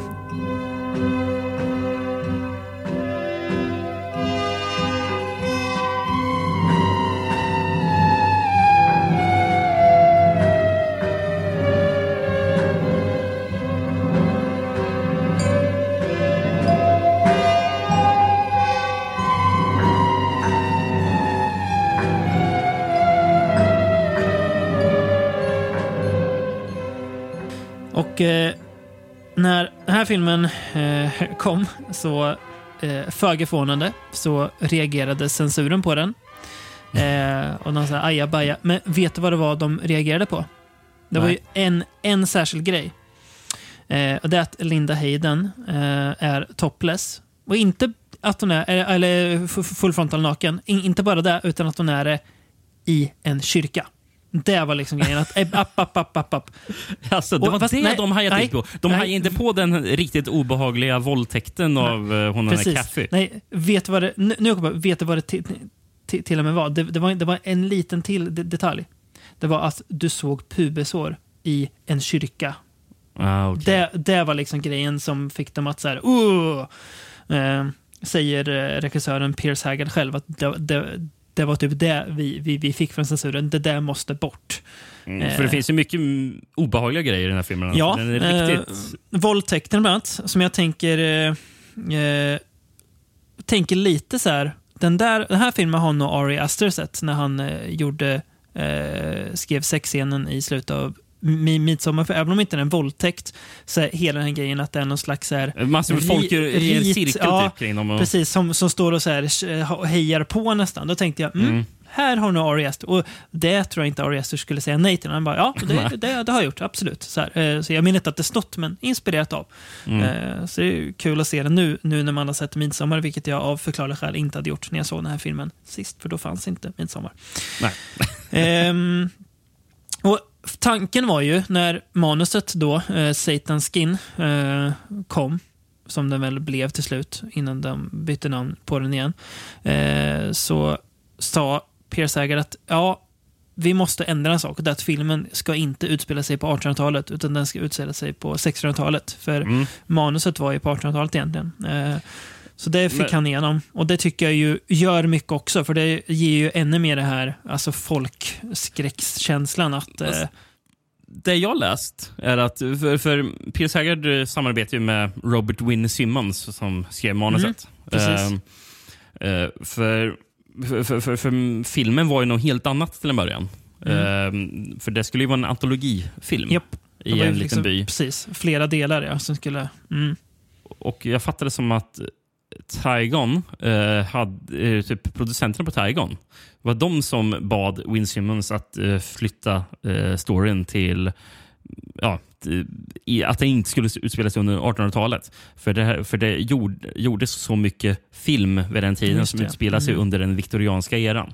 Som var typ 1830 till 1900 någonting. Ja, Pierce Haggard säger själv att det var han, men det kan ju varit, alltså, det kan ju varit Tygon också. Så att, ja, men de, de ända, alltså, manuset från början var i alla fall att det skulle vara på 1800-talet, så de flyttade till. Ja, det är ju till, och med 1500-talet, kom jag på. Det är the 16th century. Är det väl Jaha, jag, jag, jag, jag, jag, trodde det faktiskt var 1700-tal. Trodde jag då. Ja, Nej, ja. den är, den är än, ännu längre tillbaka. Ja, okej. Eh, ja, men, och sen så, det var inte bara det som Tygon bad om. Uh, Tygon bad också att uh, Win Simmons skulle inkludera eh, eh, Book of the Witches. Mhm. Ja, för, för, det, för det är ju med Witchfinder General. Mhm. Så jag tänkte bara, vi måste ju Mm. fortsätta på det spåret. Eh, och sen så vill, ville de då att eh, en av karaktärerna som anklagades för att häxa skulle så här, sänkas i vatten för att Mm. man skulle bevisa ja, om hon var häxa eller inte. Mm. För det är också med i Witchfinder General. Mm, just det. De, här, de, här, det här, de här elementen måste ju vara med i filmen. Det här är, är typiska Tygon-filmer där häxor förekommer. Ja, för han har själv sagt, uh, Win Simmons, uh, this had to be included because it had been so successful in Witchfinder General, so they wanted to repeat it. Mm. I didn't mind that so much as it did show the incredible stupidity of people at the time. Mm. Ja, jo, nej, det var ju väldigt, väldigt dumt tänkt. Ja. Att ta med bara för att. Eh, Jag, menar, jag fattade det som det var efter Piers Haggard eh, mm, kom in eh, till produktionen som han tillsammans med Win Simmons arbetade om manuset för att det skulle Mm. bli en En film, ja. ett, Precis. ett Mm. enkelt narrativ. Då. Exakt. Men jag, jag läste vad de här olika delarna skulle vara för någonting. Mm. Eh, det skulle vara eh, Det skulle vara tre delar. Den första skulle vara om en kvinna som blir inlåst på en vind av sin faster. Mm. Sen skulle det vara det som kanske är mest likt från filmen. En eh, grupp barn som Mm. hittar ett eh, kadaver i, i ett fält Mm. som tillhör någon monster. Eh, och sen så skulle den tredje delen vara om en man som hugger av sin hand för att den är besatt av en demon. Mm. Och så mixar man ihop de, de, de tre. Ja, Mm. precis. Men visst är det så i filmen att de benämner ju aldrig den här eh, saken som Satan utan som fiend säger de ju. Ja. det. Ehm, för det, Det är väl någon se- eh, ri- ritual som... Jag vet inte om det är Angel. Det är någon som Ja, ja, åkallar jo. Behemoth. eh, Ja, precis. jag. Men Exakt. Som väl är ett av namnen eventuellt på... Ja, det är ju, men... eh, jag, jag, jag, tror, jag tror inte det, det är inte ett namn på Satan. Nej, det kanske inte. jag. Det, kanske är ett namn på en, en av de här hel, helvetes furstarna då. Eller, eller, eller någon, någon demon typ. Ja, ja men, jo, men det gör de i en scen när de står och, eh, och, och Vi får ju se den här fienden också. Och den är ju... Han går ju runt i en kåpa, för det är ju som att han inte riktigt... För han, det han gör, eller det gör, är ju att få ju hår att växa på eh, bybornas hud. Och först då, framförallt då, på de som faktiskt dyrkar demonen eller eh, monstret eller djävulen eller vad det nu är. Eh, men också på eh, andra. Så det, är- och hans, det är väl tanken att han ska födas igen liksom via deras sk- skinn på något vis, eller via Mm. deras hud. Han säger väl det i slutet, “Where is my skin?” står han och viskar där i sk- skuggorna. Ja. Eh, väldigt effektivt. Hail,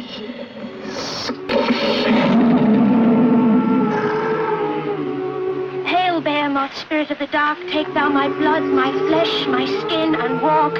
Holy Behemoth, father of my life, speak now, come now, rise now from the forest.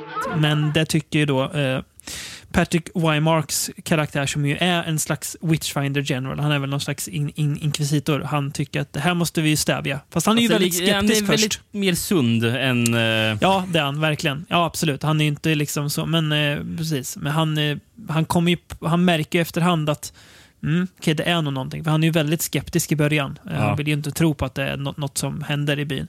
Ehm, men det gör det ju sannerligen. Men eh, det, det är ju inte liksom den metoden som Vincent Price Nej. har. Nej, han, han, han är besatt på att han ska leta upp bara min minsta, minsta tecken på att det skulle kunna vara något extra. Exakt. Nej, det är inte. Utan här är det ju, det är ju en grupp och framförallt då eh, Linda Haydens karaktär. Och hon är ju också otroligt bra i den här filmen. Hon är, har ju sån himla karisma. Alltså hon... Ja, jag vet inte. Hon, Hon är bara lyser som den här... Eh, hon blir ju typ en sektledare. Eh, Säreget ut, utseende också med så här, Mm. världens mörkaste ögonbryn till det här blonda håret. Men Eh, tänker du på att eh, hennes ögonbryn växer ju efter att hon blir... Eh, alltså att de blir satanist typ. De är inte så Det i början av filmen. det Nej. tänkte jag inte på. Nej, för de blir mycket buskigare och så grövre. Men Ah. eh, det, det, du har rätt, det, det ger henne ett väldigt så här... För hon är ju väldigt så ljus och, och, och blek annars. Hon klär sig till och med i vitt i filmen. Ja. Eh, Mm. Så de där ögonbrynen, det är väl det, det, är väl det hon har fått. Eh, satans skinn, eller satan, Mm. för han är ju hårig då. Det, Men apropå Patrick Wymark, han är ju faktiskt Mm. med i Witchfinder General. Det är Eh, det är. Och sen så är han även med i Repulsion. Jag tror han Mm. är han som äger eh, den här byggnaden Mm. som hon eh, har lägenheten i. Mm. Och sen är han med, även med i Örnästet. Mhm. Ehm, tydligen skulle det vara det först Peter Cushing som fick, eh, blev erbjuden rollen. Eh, tackade nej för, på grund av sin fru som var sjuk då. Mm. Eh, och eh, sen var Christopher Lee också tilltänkt. Eh, men Mm. men han, eh, hans fi var alltför hög. Mm. Mm. Så, han var inte råd med. Så det blev Patrick Warmark. Men det är ett Mm. bra val, för jag tycker att han... Det funkar kan, kanonbra. Ja. Och till skillnad från eh, eh, vad heter det? Curse of Crimson Altar så finns det ju inga direkt svaga länkar här i skådespeleriet. Jag tycker han, Barry, Ba- Barry Andrews funkar bra också. Som jag, det är väl han som hittar eh, kadavret va? Eh, Ja, men, ja, men, ja, men det är precis. Det är ja, precis som Ralph han spelar. Precis. Det, är han som Eh, hittar det. Det är han som blir den första ska man säga, motståndaren mot det här. Att det är ju faktiskt någonting som händer här. Mm. Eh, Sen, han så, med sen, I baksidan nämnde ju Peter. Eh, Mm. Första när jag såg den bara, fan han ser ju exakt ut som Bill Hader. Mm. det är svårt. Mm. Ja, fan lik honom. Du har rätt i. Eh, men Barry Andrews är med i Dracula's Risen from the Grave också. Eh, som Mm. vi har pratat om. Och Linda Hayden bland annat med i den här House on Straw Hill med Udo Kier. Hon är också med i Taste the Blood of Dracula. Det är hon också, ja. Precis. Ap- apropå ju- Udo Kier, Pierce Haggard har ju inte gjort så mycket film. Han har främst jobbat med tv. Mm. Men han har ju regisserat eh, Venom med eh, Klaus Kinski. Mm. Jag kommer att tänka på Klaus Kinski apropå Udo Udo Kier där. Eh, Du vet väl vem mer som är med i den här filmen? De, var ju, Nej. de bråkar ju så in i helvete. Jo, en annan bindgalen man. Ol- Oliver Reed. Okej, ja. Det ska ju, alltså, tänk dig att regissera Klaus Kinski och Oliver Reed. Fy fan, vilken jävla mardröm. Kanske, kanske därför Pierce Haggard la av med film. Jag Ja, bara, nej, det, det, jag pallar inte. Kan, kan du tänka dig två värre skådisar att eh, regissera i eh, samma film? Nej. Typ inte. Sen så har jag gjort en annan film som, som det kanske var ett härligare eh, skådespar. Eh, Mm. Eh, The Fiendish Plot of Dr. Fu Manchu Mm. med eh, Peter Sellers som Fu Manchu och eh, Helen Mirren. Ja, det är lite, säkert lite mer lätt, lättjobbade. Jag, jag tror inte de bråkade som Oliver Reed och Klaus Kinski. Nej, precis. Eh, Han var ju inte galen i alla fall. Han var ju inte en alkad eh, man eller en galen man i alla fall. Eh, fotot för filmen förresten, den är ju väldigt snyggare än förut. Ja, det är alltså, pass, så stämningen Mm. på, som den här filmen har är ju så Mm. obehaglig och Mm. den känns så, ver- så väldigt verklig på något sätt. Liksom. Ja, vilket ju är konstigt för att, att det liksom händer så mycket. O, o, alltså så här, det, det händer ju overkliga saker i den. Det är ju, det är ju inte så här, mm, finns det någon demon? Utan bara, ja, det, det, det finns det. det är så här, men jag förstår vad du menar. Den känns Ja. också realistisk på något vis. Ja, precis. Det är inte bara på grund av häxeriet eh, jag tycker som den påminner om just The Witch. Nej. Det finns eh, verkligen sina likheter. Men Mm. Dick Bush det som, gjorde, eller som fotade filmen. Eh, Mm. Som senast eh, var bekant med när han fotade den vansinniga Crimes of Passion av Ken Russell. Ja. Eh, Men, men, men han har sagt att till just den här filmen så var han Mm. främst influerad av eh, eh, Ingmar Bergman. Mhm. Och, eh, och särskilt eh, Sjunde inseglet och Jungfrukällan. Ja, okej. Mm. Ja, jag kanske kan se det om jag tänker lite. Men eh, jag håller med, den är väldigt snyggt. Också så väldigt så här naturromantisk skräck. Alltså att det känns som att det är ju så här eh, att det är ju den gamla folktron verkligen mot den nya, eller nya nya, men mot den kristna tron. Att den här byn har ju inte lämnat det gamla. Mm. Och så kommer och så ska Weimark stå. Men det, det, det sa de i när de eh, pratade filmer på, jag kollade på massa extra-material, att eh, för det, det sa Pierce Haggard själv, att det, det, det han gillar så mycket med filmen själv fortfarande, det är att för honom så är det inte att de goda vinner i slutet, utan att de kristna egentligen är så här, minst lika onda här som de som de ska bekämpa. Så att det blir Mhm. så här, är, är det ett, ett lyckligt slut som typ Tiger sa att de ville ha? Precis Tiger bara, jag tycker inte det. Eh, för att den, den liksom visar bara att Det är bara ett mindre olyckligt slut än vad det var först var tänkt. Exakt, ja precis. Ehm, så det, det tycker jag är intressant att säga. Ja, att de kristna är liksom inga, inga hjältar här. Det finns liksom inte, det, det, det är inte så här. Taigon kanske sa, ja, men vi vill ha kampen mellan gott och ont. Så här, ja, det kan jag väl göra åt er. Men det är inte riktigt det som är eh, heller. Nej. Alltså det, det är inte så svartvitt ri- riktigt som Nej, verkligen inte. eh, de kanske vill ha. Men, men, men allt som allt, eh, jag, jag tycker ju, o, oavsett vems idé det var, eh, Mm. så tycker jag att det var ett väldigt bra, bra beslut att låta den utspela sig 1500 1500-1600-talet. För Mm. det, det känns som att för få filmer faktiskt utspelar sig där också. Mm. Eh, här brittisk film och även amerikansk Mm. film. För, Mm. det, för det här påminner ju väldigt mycket om The Witch också. Är att det är, för den är väl Mm. 1600 1600-talet, en ny, nybyggare. Ja, precis. Det är ju, och det, det, det är det som... Det är mycket som är bra med The Witch, men det som är bäst med The Witch är ju att han låter den utspela sig när USA fortfarande var bara nybyggare. Alltså när det var liksom... Den, den, den har väl undertiteln A, A, New, A New England Folktale eller sånt där. Tror jag. Ja, pre- precis. Att det verkligen, och det är ju det, är det här när allt är så mycket mer, o, när världen är mycket mer oupptäckt och okänd, då funkar det här mycket bättre på något vis. För att det, ja. Mm, jag håller med. Fler Ja. filmer borde utspela sig här, även om vi gillar alla mysiga Hammer-filmer som utspelar sig i Karlstadt på 1800-talet också. Ja. Ja, men jag försöker komma på andra filmer som, som har just den här miljön. Jag tänker, A Field in England är väl Ja, också tiden, va? typ 17, ja, kanske 17, men ja, Ja. i, i alla fall längre tillbaka. Mm. The Devils för all del också är ju mycket, den är ju längre sen eh, också. Det är väl, Men- är, det, är det till och med medeltida det eller? The Devils? Ja, precis. Ja. Men det, jag tycker det, det, är, det är stor skillnad. Det är nästan för länge sen. Ja. Precis, det är stor skillnad på medeltid och eh, 1500-1600-tal. Ja. Mm. Men det, det, det är som precis innan upplysningen, alltså upplysningen är på gång men kanske inte här. Det, här hi- hit har den inte nått. Eh, den finns där ute eh, någonstans men eh, hit har inte kommit än och här tror vi på det vi tror på. Eh, Mm.